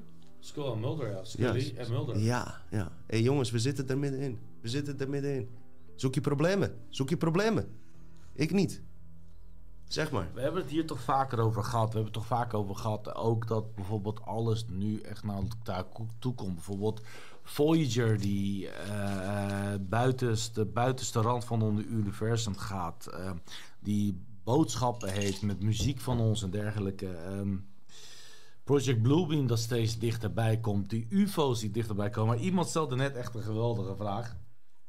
Pila, die is waarschijnlijk ook Pila, die zegt... Dino, als ze zo geavanceerd zijn... hoe kan het dat ze dan zo vaak crashen op aarde? Ha, goede vraag. Die mag jij even beantwoorden. Ik ga hem beantwoorden. Maar het is een moeilijke vraag, man. Want ik ben Pila, ik kan hem niet beantwoorden. Nee, kom goed, wacht. Je leest net in die tekst. Eh, Oké, oké. Dit is een hele goede vraag. Ze worden neergehaald. Waarom? Als je het Secret Space Program, waar ik het over heb gehad, eh, hebt bestudeerd, dan kom je erachter dat de reptilians en die insectoids en al die draconische Orion-groepen aan militair kabal de techniek hebben gegeven om alle wezens die niet onder het draconische rijk vallen, die hier komen, met speciale lasertechniek, hun schepen in disbalans brengen, waardoor ze crashen. Dat is het verhaal. En zo is Roswell eh, is ook gecrashed. Diep. Diep. Dat is net zo, lijkt net op die film van... wat een belachelijke film uiteindelijk. Maar dit is een film uit 1950, was een remake. Van eh, dat die aliens, dat, ze, dat die aliens op aarde komen. Of die aliens al eigenlijk op aarde waren. En dan met stroomstoten eh, al die machines gingen opwekken. En uiteindelijk zijn die aliens doodgegaan door een bepaalde bacterie. Wat ze niet op, of virus, waar ze niet op gewend waren. Weet je wel, de, hoe heet- die fucking film van... eh, eh, eh, Tom Cruise nou, maar weet je, denk ik bij mezelf. hoe- Wacht even. dat End of the? Worlds? Ja, volgens mij die, ja. Juist. Ik, weet je welke alien film ik trouwens wel wil zien? Waar heel veel sterren in spelen. Dat op een gegeven moment komen ze erachter. was er ook een alien invasie. Dat ze niet tegen muziek kunnen. Ken je die film nog? Nee. Met eh, Danny DeVito. Ik denk dat Ja, vindt ook oh, bekend. ja, dat- maar Danny DeVito Marsmannetjes en zo. toch, ja. ja. Ehm, eh, oh, dus- de Alien Attack. ja, Die ja. Die is leuk. Zo leuk. Die is leuk. Eh, Eh, Mar- Martians Attack, Nee, Attack. maar je, je keek zo vies naar mij. Ik dacht, wat heeft die jongen tegen mij? Nee, ik zat te kijken. nee, nee, nee. Maar ik, ik wist dat jij die zou kennen. Maar Pila, ehm, kijk onze aflevering. Als je niet Pila bent. Ja, sowieso als je niet Pila bent, paar jonkels kan wel. Maar laat het geen gewoonte worden, even om die andere Nee, vraag want weet je, eh, soms... soms Secret Space Pro, sorry. Secret Space Program leg ik exact uit hoe dat techniek werkt, weet je, met, eh, met het neerhalen van eh, UFO's. We kunnen het een keer samen doen als je wil. Pila, kijk, het moet niet zo zijn dat als je iedere keer Pila bent. Weet je, sommige mensen die zeggen dat ze voor hun dood zeggen ze hele leesbelevingen eh, zien. Weet je, ze zagen hun opgroeien, liefdes, families, kinderen, alles. Het moet niet zo zijn dat bij jou het laatste moment in je leven alleen maar stone, stone, stoned eh, als herinnering moet terugkomen. Mijn jongen, zolang jij gewoon eh, positief blijft en gewoon goed hart hebt, smoke maar, maar met mate. En eh, me- mensen zullen je herinneren als een goed mens uit het hart. En eh, verder, als je privé-sessies wil, eh, kan ik wel regelen. Met Ersa 45 euro kreeg je allemaal advies hoe je van drank afkomt. Zo fucking weinig. Goed doel, goed doel. Maar, ehm, kom maar met de volgende vraag. Nee, Pila was een goede vraag. Check die aflevering. Even zonder rol. Secret Space Program. Yo, yo, yo, yo, vraag. Denken jullie dat Mandela-effect verband kan hebben met proefjes met CERN. zwermen nanobots? Alles is hier mogelijk. En ja, Mandela-effect. Ik heb zelfs een paar keer geprobeerd om een eh, Mandela-effect 2 te maken, jongens. En dat moet Simon en jij, want we zijn alle drie eh, zijn we geobsedeerd door die shit. Het is lastig om goede voorbeelden te vinden, nieuwe voorbeelden, want er zijn vooral Amerikaanse voordelen van Mandela-effect, van films die wij hier in Nederland niet kennen, dus het is niet relevant. Maar ik zou het sowieso, dat wil ik, wil ik eigenlijk zeggen, een echt leuk vinden om Mandela-effect 2 een keer te doen. Maar echt met jou en Simon, met z'n drieën. Dat vind ik ook typische Dutch meter. Maar het is lastig om nieuwe voorbeelden te vinden. Eh, of dat eh, te maken zou hebben, jazeker, geloof ik zeker wel. Maar of dat verband dicht bij elkaar is of verder van elkaar, want alles is aan elkaar Weet je wat het is? Weet weet je, ik niet. soms, het is meer tijdlijnen, portals en zo. Mandela-effect blijft in mijn top 3 Ja. qua pots die we hebben gemaakt. Ja, die, die moeten we niet proberen te overtreffen. Die is gewoon... En, en die punchline van Simon aan Ja. het einde. Oh man. Dat was Simons, eh, wat mij betreft, eh, Simons eh, doorbraak, om zo maar te zeggen. Plus, plus, jij zei al aan het begin, dit is jullie podcast. Ik bemoei lekker niet veel, lekker handig over de podcast die echt een van de lastigste was met de moeilijkste materie.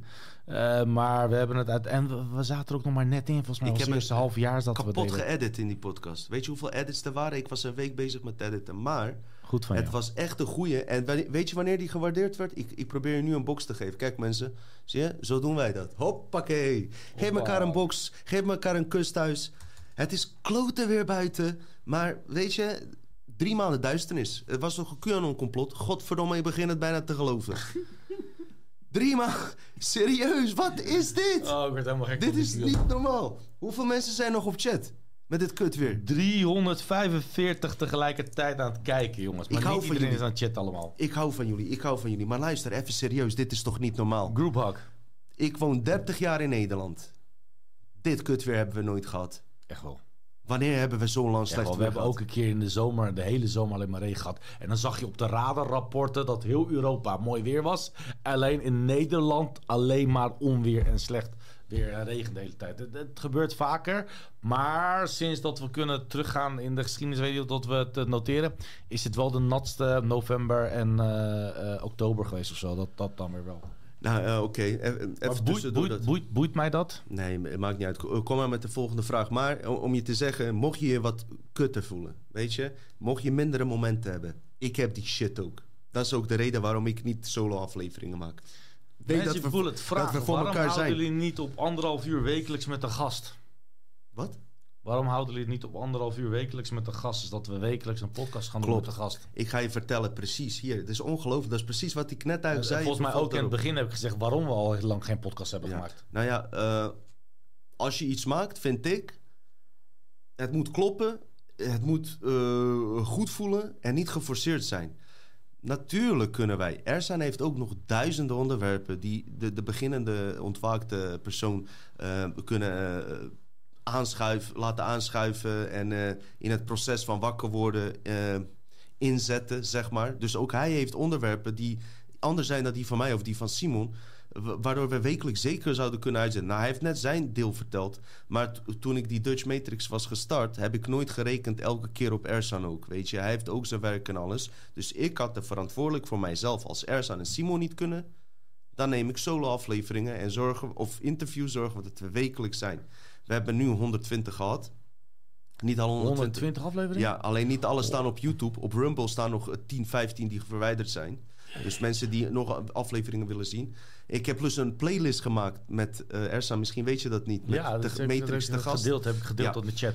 Maar wat ik dus wil zeggen, het kan wel. Maar dan heb je niet een aflevering waar ik 100% achter sta. Zeg ik je eerlijk. Want ik moet gewoon lekker in mijn eh, vel zitten. En ik, ik wil de aandacht voor diegene die er is. En ik, eh, wat het lastiger maakt bij Dutch Matrix... wij proberen iets te brengen wat die anderen niet hebben gebracht. En dat kan je niet met elke gast doen. Wat, denk je dat het daar ook mee te maken heeft? Je moet ook Ik- kijken welke... is- je, moet, je moet niet zomaar iedereen toevoegen, denk ik. En of, of gast hebben. Het is ook hier bij jou in een vertrouwd gebied. Dus je wilt ook wel iemand alleen maar uitnodigen waarvan je het goed gevoel bij hebt, denk ik. Dat is heel belangrijk. Ja. Eh, en tweede is, eh, ik weet niet waar mensen allemaal op staan te wachten en niet. Ik denk dat de inhoud goed moet zijn als de inhoud goed is van die persoon. En die heeft het eh, deels al bewezen. Kijk, ik, ik heb vaak in de chat ook wel mensen, ik wil de gast. Dan zeg ik, ja, maar waarom dan? Oké, dan zeg ik, ja, oké, schrijf maar een stukje op. Schrijf maar een stukje op papier waar je het over wil gaan hebben. En stuur maar naar mij. En dan doen ze het niet. En denk je bij jezelf, als je geen vijf minuten of tien minuten of misschien een uur uittrekt om de moeite te doen om even neer te zetten waar je het over wil hebben, hoeft niet helemaal gedetailleerd, dan vind ik ook niet dat je echt moet komen, zeg maar, laat ik het zo zeggen. Ik heb al jaar geleden gezegd, ik eh, ga niet eh, met mensen die ik niet ken meer eh, afspreken. Dus via Instagram of zo van, hé, ik wil graag komen en zo. Ik ben drie keer, serieus, ik heb het niet nodig. Hè. Er zijn genoeg mensen die willen komen. Maar soms gaan mensen dus smeken, alsjeblieft, dit is mijn kans. Ik voel dat ik moet komen. En ik ben een jongen van medeleven. Weet je? Ik wil iedereen zijn kans geven. En dan geef je ze een kans, komen ze niet opdagen. Dat heb ik ook meegemaakt. Heb ik hele fucking eh, shit neergezet, alles in elkaar gezet. Kreeg je een eh, echte rotsmoesje, hè? Echt een fucking rotsmoesje. Ja, mijn trein ging niet, of met dit niet, of weet ik veel wat. Die, dat je gewoon niet aanneemt. En denk ik bij mezelf, oké, Ik heb tien andere mensen waarvan ik weet dat ze waarschijnlijk beter zijn dan jij en eh, die, die zo willen komen. En ik geef jou een kans en je doet dat niet. Maar daar ging de vraag niet over. Het ging eigenlijk erom waarom we niet wekelijk- wekelijks uitzenden. Omdat ik op dit moment, en Ersan ook niet, en Simon heeft ook druk, niet wekelijks in onze energie zitten. Dat je kan zeggen, we kijken naar Dutch Matrix. We kunnen wel een aflevering altijd wekelijks maken. Maar dan zie je niet eh, de, de oud- eh, ja, uniekheid van Dutch Matrix erin. Dan zie je ons op een automatisch piloot iemand interviewen. En dat zijn wij niet, Nee. toch? Nee, nee, dat zijn we zeker niet. We, zijn, we, praten alleen maar over gevoel. We praten alleen maar over liefde. We praten alleen maar over bewustzijn. Dan moeten we het niet gaan automatiseren. We, we, we hebben eh, bewust keuze gemaakt om geen AI's en dergelijke te doen. Om geen chatbots in te laten zetten. Ook niet in de chat. Om het menselijk te houden. We hebben prachtige moderators. eh, leuke mensen in de chat. En dat, dat zijn waar we voor staan. Het is niet dat we niet met de techniek meegaan. Maar het is gewoon een bewuste keuze wat we maken. Hey, en eh, Ersan heeft nog twee dames eh, die hij kent via, eh, ik weet niet, toch? Nou, Mag ja, dat zeggen? ja, nou, het, het, het, één, één dame die ik ken, die heeft een vriendin. En, maar dit weet iedereen al. Dit een aflevering dat we wilden gaan maken over angst. En ik Juist. zeg al meer dan twee jaar, ik wil die aflevering maken. En ik Oh, nee. voel me ook wel een beetje schuldig, omdat ik wel heb gezegd van... hé, maar ze hebben het beide heel erg druk. Maar ik heb gezegd, kom met twee data's. Maar Juist. dat is iets wat ik dus niet wilde zeggen. Omdat Oh, ik het zeker wilde weten of het ging gebeuren of niet. Ik kijk er wel naar uit. Eh, het zijn eh, eh, één dame die ik al ken, die, die weet de stof en die kent de stof ook. Hetzelfde gevoel had ik bij onze waterman. Stef. Stef. Ja. Eh, ik weet niet of het echt Stef heet of weet ik veel hoe die heet. Ik weet het allemaal niet meer, maar volgens mij Stef. Want wel de eerste naam hadden we. Wateram Sterren. Waterman noem ik hem gewoon. En zijn laatste podcast wat hij maakt was ook heel mooi over verschillende connecties in je brein. Eh, en chemische reacties. Maar eh, ik denk dat het een leuke uitzending gaat worden. Zeker. eh, dus er, gaat heus wel wat komen. Met Chris van der Ende ga ik een nieuwe aflevering maken. Ja, en net wat ik zei, het is beter op gevoel. Ik zei dat bij Peter Poppenkast, in zijn podcast ben ik geweest, vroeg hij dat ook. Het is toch veel leuker als je een cd van een artiest aanzet... dat er gewoon eh, van de 15 nummers gewoon 12 goede nummers zijn... in plaats van twee goede nummers en slecht. Dus als, als je het kijkt, gewoon, dat, dat, dat gewoon veel afleveringen leuk zijn. En niet, niet dat het geforceerd is. Nee, want, En eh, interviews doen wij niet. Wij zijn altijd bemoeien al. Ook al komt iemand hier, moeten wij toch even iets samenvoegen daarin. En ik kan natuurlijk mensen interviewen, maar dan denk ik van, het is al door. he- Heel veel dingen zijn al gedaan ook, hè?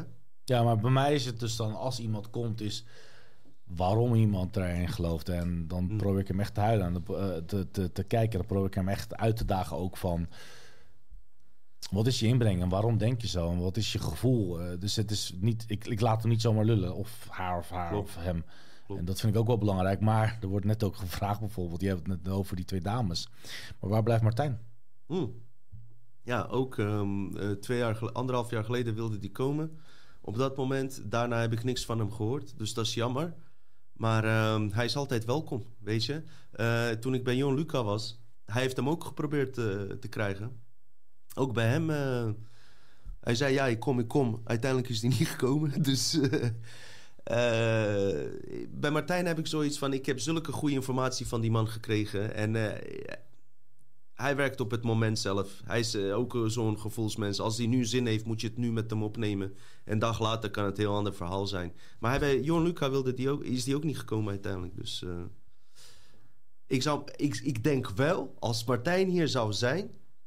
dat we wel een hele andere type aflevering zouden hebben... dan alle afleveringen die hij ooit heeft gemaakt.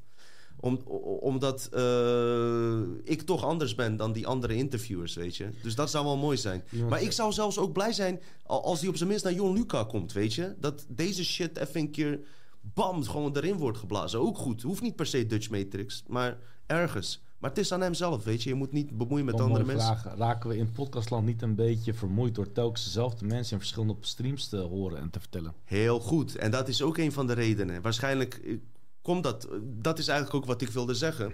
Ehm, je ziet tegenwoordig... Wat je ziet tegenwoordig... En hele terechte... Wie is dat? Ga ik promoten. Hoe heet ze? Dat is een vrouw, hè? Eh, WPTV. en ik weet niet... eh, waar White die, Power. eh, Yes. White Power TV. Yes! Of transseksueel. Nee, grapje. White Power TV. Je hebt gelijk. Wappie TV natuurlijk. Ja, tuurlijk, jongen.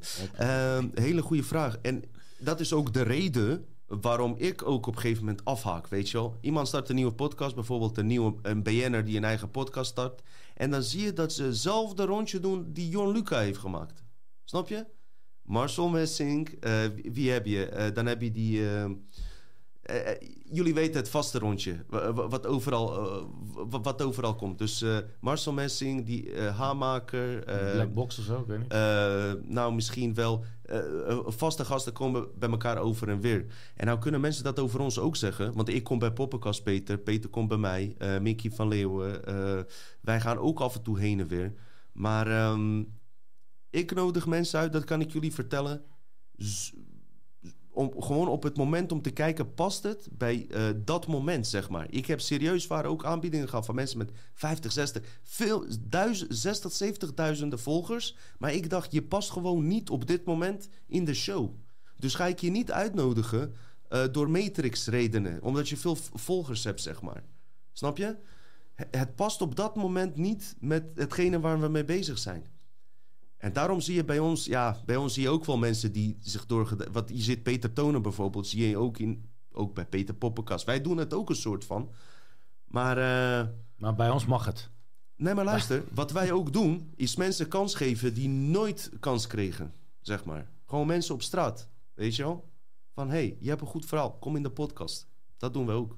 Is ook gebeurd. Ja, je Kijk mag ook bellen, hè. Mensen, je mag gewoon bellen, hè. Als, je, als je wilt, kan je bellen nu, hè. Als iemand een goed verhaal heeft, bel gewoon. Ja, sterke verhalen. Dus eh, ja, goede vraag. Eh, nee, dat klopt. En dat wordt het ook saai. En eh, ik, ik vind ook een beetje dat je... Ik had vandaag bijna iemand... Waar, ja, een lang verhaal, laat maar zitten. In ieder geval, het is ook leuk om een keer misschien... Kijk, Ersan staat bekend als een... Voor sommige mensen kritische jongen die kritische vragen stelt. Ik, ik ben blij dat dat er is. realistisch. Ik, ik- ben blij dat dat er is. Dus ik heb ook hier zelfs altijd iemand die mij ook even op balans houdt. Of misschien een beetje uitdaagt om mijn theorieën meer te bekrachtigen. Maar het, het is ook leuk om een keer een niet wakker persoon ehm, in een podcast te krijgen. Met, met ons of met anderen. Om, om elkaar beter te begrijpen, weet je. Dus ik, heb dat, ik zou dan no- nog op dit moment nog liever iemand willen hebben die, die slaapt als het ware. Maar een soort van openingen ziet, maar heel kritisch is. Dan iemand die alles maar mee... We lullen ook veel met elkaar mee, vind je niet? Ja, hè? Ja, hè? Ja, ja, ja, hè? Ik, ik, ik, lees die reacties ook. Nee, Jan Lan. Ja, hè. Vind, vind je me leuk, Lan? Nee, Hollum. het Leuk, Lan. Hollum, zeg wat, Lan. Nee, ja. eh, ik vind het een beetje saai dat niemand wil bellen altijd. Iedereen... Ik heb ook een, een vriend die echt ontiegelijk in de materie zit. Die stuurt mij wel 80 berichten op een dag. Weet alles. En dan zeg ik, ja, kom een keer op de... Ja, ja. En dan zeg ik, kom een keer op de, op de podcast. Dan is het... Nee. Nee, dan is hij zo wappie. denkt hij, ja, nee, ik ga me niet associëren. Ik moet eh, buiten blijven. En dan heerst er toch nog een stukje angst. Ah joh, eh, geef niet, weet je. Ehm, ik heb ook eh eer- eerste, nou, zes, zeven jaar... nooit wat gedeeld op Facebook erover en alles. Op een gegeven moment neem je een besluit. Doe je het niet, is het ook goed. Iedereen doet het op, eh, Ja. op zijn eigen manier. Ehm, ja, ik hoop dat jullie deze aflevering wat vonden. Ja, als er nou, nog we hebben vragen vragen, we zijn, hebben als er nog vragen zijn, ga ik graag door. Wat gebeurt er als je geen eigen denkniveau, eh, als je voorbij je eigen denkniveau gaat? Ervaar je dan ook soms een error op dat moment, waarop lijkt dat je het moment even doorslaat, of een vastlopen krijgt? Wauw, wauw, echt. Ik heb het, eh, Heb je iemand ingehuurd om vragen te stellen of zo? ja. Nee, nee, nee. Ik kan me gewoon vinden in die dingen. Dat er zoveel dingen zijn dat jij het liefst gewoon keihard wil schreeuwen van. "Ah! Ah!" Dat moet je dan gewoon doen. Eh, dat, dat is gewoon goed. En eh, dan, dan zeg ik toch weer... Weet je wat ik doe serieus de laatste twee jaar als ik dat heb? Ik heb mijn oefeningen, bekrachtigingsoefeningen... in dit geval van Martijn van Staveren. Ik ga naar boven, ja... Ik ga liggen. Ik zeg tegen mijn vriendin: Ik zit boven. Ik ben niet aan het masturberen. Ik doe meditatie. Zegt ze: Oké, hopelijk is het deze keer waar. Oké. Ehm, ik ga liggen. Error moment, hè? Misschien heb je er wat aan. Ik ontspan mijn lichaam. Ik, ik doe mijn ogen dicht. Ik ga een paar keer diep ademhalen.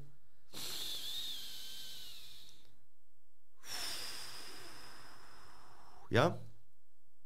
Nergens aan denken, nul punt waar je het net over had. Ja? Probeer het tot daar een beetje te komen. Nergens aan denken. Ogen dicht. Binnen in jouw lichaam. Achter jouw ogen zitten. Tussen je oren in. Dat is de plek waar alles gebeurt. Alle mechaniek. Ja? Daar is die vastloper ook gekomen. En kwantumfysica. Dus dat jij met je voorstelling erin gaat. Ja? breng jij van, van daaruit balans, rustig aan in dat moment, als het ware.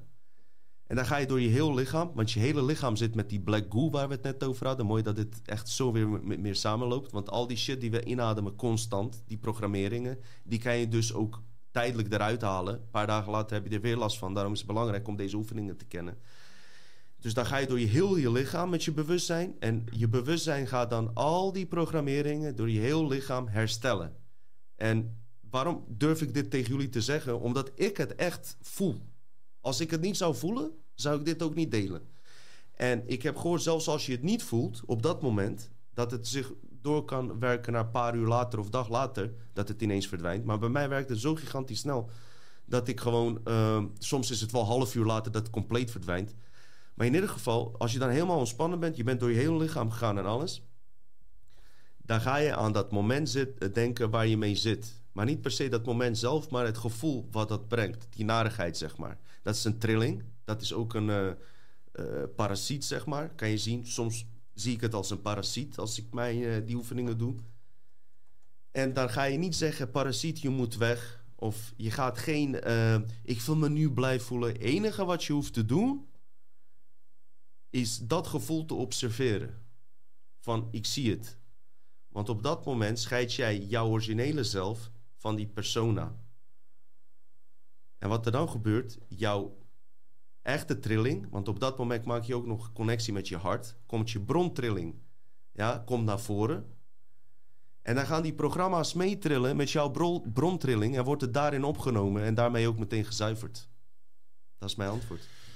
Ja, um, we hebben het hier wel eens gehad over uh, mensen die met 5D, 3D, 4D. Dus als je, als je toetreedt, het is, het is lastig. Weet je, als iemand bijvoorbeeld uh, door een operatie weer kan kijken, kan die misschien wel zien, maar hij kan niet plaatsen. Hij weet niet dat de mens een mens is of een, een, een, een, een, een stoep, een stoep bijvoorbeeld. Je ziet het wel, maar je, je, kan, je, je verwerkt het niet. Als iemand uh, door, door, uh, door iets weer kan horen. Je hoort de geluiden wel, maar je, je kan wel hallo tegen een persoon zeggen, maar die begrijpt niet wat je zegt.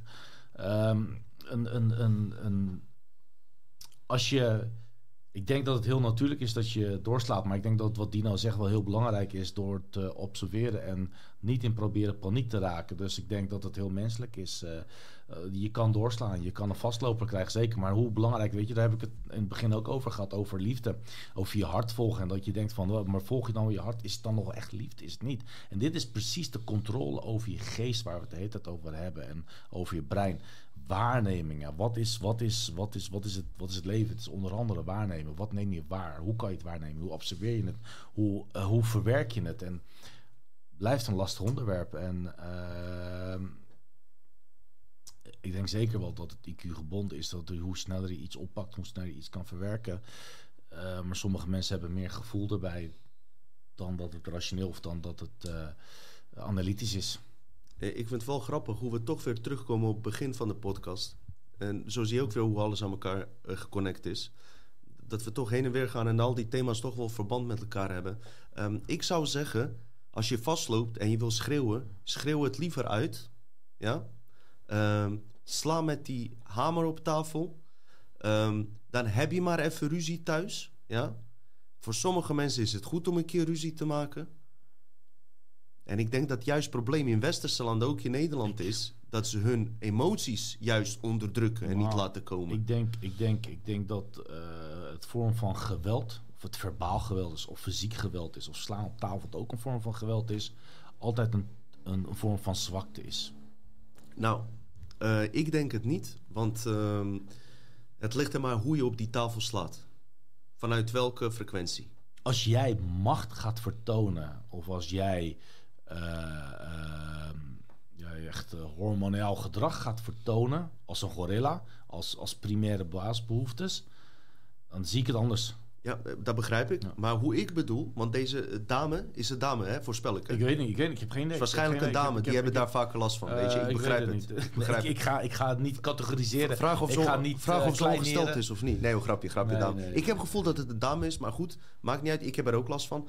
Uh, ik heb dan zoiets van, eh, op tafel slaan kan je inderdaad om iemand te dreigen. Maar in dit geval gaat het daar niet over. Het gaat om een vastlopen van iemand in zichzelf. eh, sommige mensen gaan hardlopen, eh, fitnessen, trainen en anderen tegen een boksbal aanslaan of op een tafel. Je frustratie kwijtraken Juist. is, is Snap je? prima. Maar je hoeft, zeker als er kinderen bij zijn of als er, eh, als er andere mensen bij zijn, je hoeft niet je geweldsexplosie Nee. aan anderen te laten delen natuurlijk. Nee, maar je kan het toch alleen doen. Maar zeg eh, maar. je explosie van je emotie is ook een zwakte. Als jij laat zien dat jij explodeert uit die reactie, is het ook een vorm van zwakte, vind ik. Ligt aan de situatie. Ik denk als jij je eh, graag op een tafel wil slaan, maar bang bent de, wat mensen daarvan vinden, dat dat erger is dan dat je op die tafel slaat. Weet je, ik wil schreeuwen, ik wil pijn, ik wil uithalen, ik ben boos, ik wil mijn liefde terug, ik mis er. Ik, ik fucking verlang naar er. Ik kan die laptop nu breken, ik kan boos worden, ik kan agressief worden. Maar het heeft geen zin. Hmm. Je duwt alleen mensen verder weg. Maar Natuurlijk is, dat mijn, natuurlijk is dat mijn fucking reactie. Mhm. Natuurlijk heb ik fucking eh, passie, heb ik, heb, ik, heb ik hartstocht, heb ik, heb ik, heb ik, heb ik passie, ja, dat heb ik al net al gezegd, en, en liefde en verlangen. Maar je wint er niks mee. Het is alleen maar een vorm dat je uitstraalt. En je hebt het over die lust, je hebt het over mensen, over vormen die, die voeden van die lust. Waarom zou je laten voeden met deze lust die je uitstraalt? Net wat ik zeg, ik begrijp je helemaal. Je kan tegen een boksbal slaan op verschillende manieren. Snap je? Je kan het doen met loes voeden, maar je kan het ook doen door loes uit je lichaam te halen. En dat is de intentie die achter de klap zit, zeg maar. En je hoeft het niet te doen waar andere mensen bij zijn. Ik, eh, dit zijn juist momenten wanneer je het gewoon alleen Oh, doet. jij wilt, oké, dus op de tafel slaan als je alleen bent. Prima. Dat, nee, maar je- ja, dat, ja. Is, dat is precies wat ik bedoel. Ja. Want kijk, ehm, niet met de energie om andere mensen eh, een naar gevoel te geven. Hey, we hebben Maar Frans Timmermans die met ons meekijkt, want fijn. Onze- onze door het bos rennen en lekker, lekker schreeuwen. Fr- Frans Timmermans. Frans Timmermans, iemand heeft Frans Timmermans een foto gekaapt of zo. Zijn profielnaam Frans Timmermans gemaakt. Die zegt, Ersan en Dino is de nieuwe Efteling. Eh, eh, leuke sprookjesverhalen. Heerlijk, heerlijk dit. Fantastisch. Dankjewel Frans, we zijn ook blij met jou. Eh, Jensen noemt hem Gans Timmermans, hè? Wie? Frans Timmermans. Wist Omdat hij als een gans loopt. Ja, misschien een beetje vlam, maar hij heeft wel gelijk, man. Shit. Maar ja, goed. ehm, Ik, andere geen- ik let niet op hoe. Ehm, eh, luister, weet je waar ik ook achter ben gekomen, Ersan? We hadden aan het begin toch een paar trollen. Blijken Ja. gewoon onze vrienden te zijn, man. Ja, prachtig toch? Shit. Leuk, toch? We hadden hele ding. We dachten al, hè, wie zijn die? En laatst hadden ze zich verluld, hè? Op een verjaardag. Echt? Ja, man. Oh, weet ik was die bij. van eh, zijn de bananen krom en zo en alles. Ik weet precies wie het zijn. Dus als je nou weer begint, zeg Ja, gewoon je waar- voor, van- je voor- en achternaam zeg ik, plus waar je werkt. Maar dat betekent wel Hou dat op. er aandacht zit, weet je wel. Ik heb, ik heb Tuurlijk. ook vrienden die reacties hebben gedaan, maar die geinig maken grapjes. Maar als jij echt gaat trollen, dan vraag ik me af wat de echte reden daarvan is. Ah joh, weet je, ieder zijn ding en, eh, en klaar. hey, eh, mensen, ik zou van jullie willen weten... hebben we een beetje een leuke aflevering voor jullie in elkaar gezet? Ik heb nog wel een paar vragen hoor, als je wilt. Ik ga door. Zullen we even nog Als 10 een- minuutjes als, door? Als je, eh, als 10 je, of gewoon de doen? vragen. Als je een harttransplantatie hebt gehad en je wilt denken vanuit je hartbrein, denk je dan nog steeds uit je eigen persoon of vanuit een donor? Wauw. In sommige gevallen een varken, Wauw, zal ik mijn boek erbij pakken? Wacht even, wacht even. Ga maar, ga, ga maar naar eh, vermaak mensen een Oh, beetje. moet, man. ik, moet, ik, moet ik mensen gaan verwaken? Dino en Ersan is de Nick en Fluent test. Woe, Jones van Ersten genoeg te krijgen. Ga jij, ga jij even naar de wc? Ja, laat me even de laatste vijf minuten even alleen met de kijkers zonder vragen. Ga ik even kijken welke vraag ik nog meer kan beantwoorden. Eh, dit is voor Gino. Alex Jones, weet je, die volg, ik volg eigenlijk helemaal niemand eigenlijk. Eh, wie ik wel volg, jawel, ik volg eh, ehm, BNR Nieuwsradio, Bernard Hammelenburg, eh, beste programma, beste binnenlandse programma het buitenland. Dat vind ik geweldig, vind ik heerlijk, vind ik mooi programma. Eh. Nou, nee, voor de rest zijn er geen vragen meer. Ja, vraag meer of minder Sinterklaas. Ik denk als je dat vraagt aan Dino, zegt hij Sinterklaas? Nee, Sinterklaas. Ja, ik, ik, ik was ook pas eh, verbaasd. Maar die Sinterklaas, ik vind volgens mij is het wel echt een Scandinavisch-Noors traditie of zo. Want eh, die Vikings eh, in Engeland, Noord-Engeland en in, in, Shetland en zo, waar, waar die ehm, Vikings ook zijn, die hebben ook allemaal van die. ehm heidense, moet ik het dan bijna zeggen, tradities, weet je, dat ze met fakkels lopen en zo. Ehm, hier ook natuurlijk, want tot aan het plekje Oesgeest, eh, vlakbij Leiden, waar de lijns was, waren eigenlijk allemaal Friesen. Die zijn later eigenlijk allemaal eh, eh, veroverd. Of niet veroverd, gewoon verwilderd. Door, door, door weet ik veel, door andere mensen. Goedenavond, je ziel blijft zelf denken. Hij gaat gewoon naar de wc, hè, die gozer. Laatste minuut al geen info meer heb, geen updates meer heb. Maar dat maakt allemaal niks uit. We hebben het gewoon gezellig. Hoe weet je of een complottheorie waar is? Aan welke eisen moet voldoen? Wauw. Ga je eisen stellen aan een complottheorie?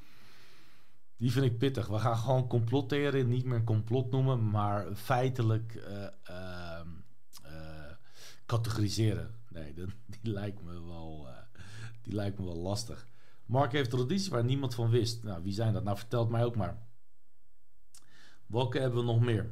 Oh ja, we hadden het over die hart natuurlijk. Hij pakt zijn boek erbij, maar gaat ondertussen ook naar de wc. Hart. Ik hoorde hem rustig. Ik hoop niet dat die geur dat hij meeneemt. Maar goed. Ik denk dat als je. Als je. Als je.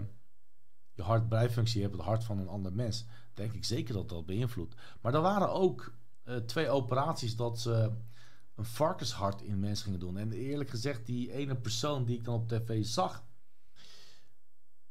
Ja, ik wil niks zeggen, maar eh, hoe die menselijk eruit zag. Maar toen hij die varkenshart kreeg, dacht ik bij mezelf van... hé, hey, verandert hij dan naar, ook naar die vark of zo? Ziet hij hetzelfde uit? Ik had volgens mij zelf nooit een varkenshart gewild. Ik denk, laat mij maar doodgaan. Het is misschien gemakkelijk nu praten. Maar ze doen echt bewust bijvoorbeeld de kleppen. Doen ze ook vaak varkenskleppen in. Omdat blijkbaar een varken genetisch het meeste lijkt op een mens. Vandaar dat als je ook varkensvlees eet, het gemakkelijkst eh, de hormonen van een varken kan observeren in je lichaam. En eh, zo, is het gelukt, eh, Dino? Ja, is allemaal eh, je buikje weer helemaal eh, weer twee kilo afgevallen? Zeker. Mooi. Nee, ehm een varkenshart hield dat. Er waren twee personen en zijn volgens mij al twee later stadium alsnog gestorven. Die twee personen. Ja, ben je klaar met je boek? Eh, ik ben nu even... Ga eens even nog een keer naar die vraag. Want ik heb hier een interessant antwoord. Vraag. Dit is Met eh, Wappie hart. TV. Wappie Met- TV. Joh, Wappie TV. eh, Heb je je eigen kanaal? Of heb je geen tv? Wat gebeurt er als je voorbij je... Oh, nee, sorry. Dat was de dat vraag hadden we al gehad. Als je een harttransplantatie hebt gehad en je wilt denken vanuit je hartbrein...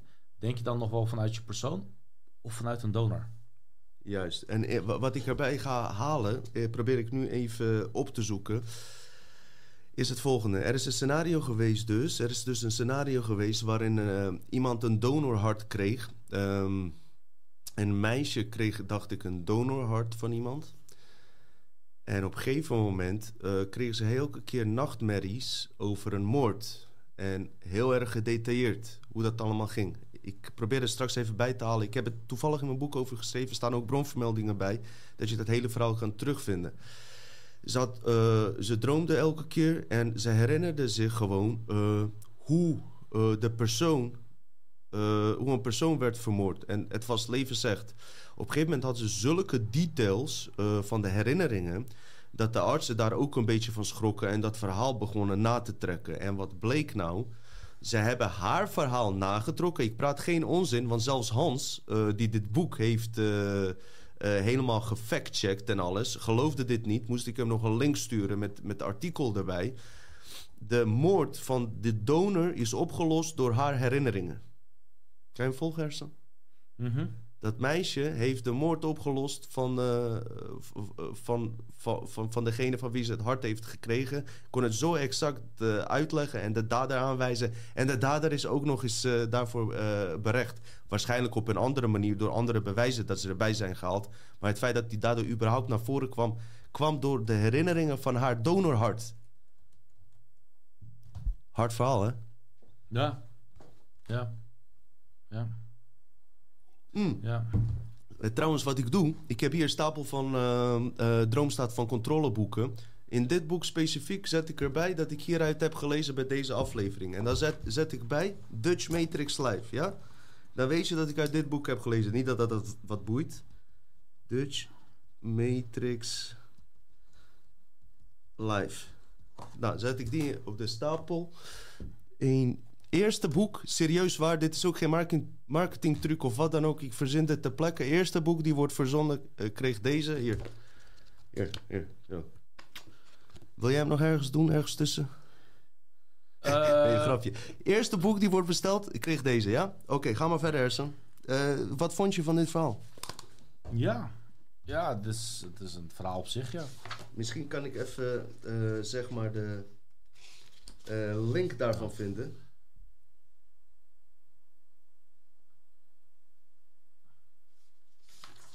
Even kijken hoor. Ik vind het een beetje Nee. jammer dat Frans Timmermans minder reacties heeft. Want die man die heeft al eh, eh, zo weinig tijd. Maar dat wel dat hij nog naar onze podcast blijft luisteren en kijken.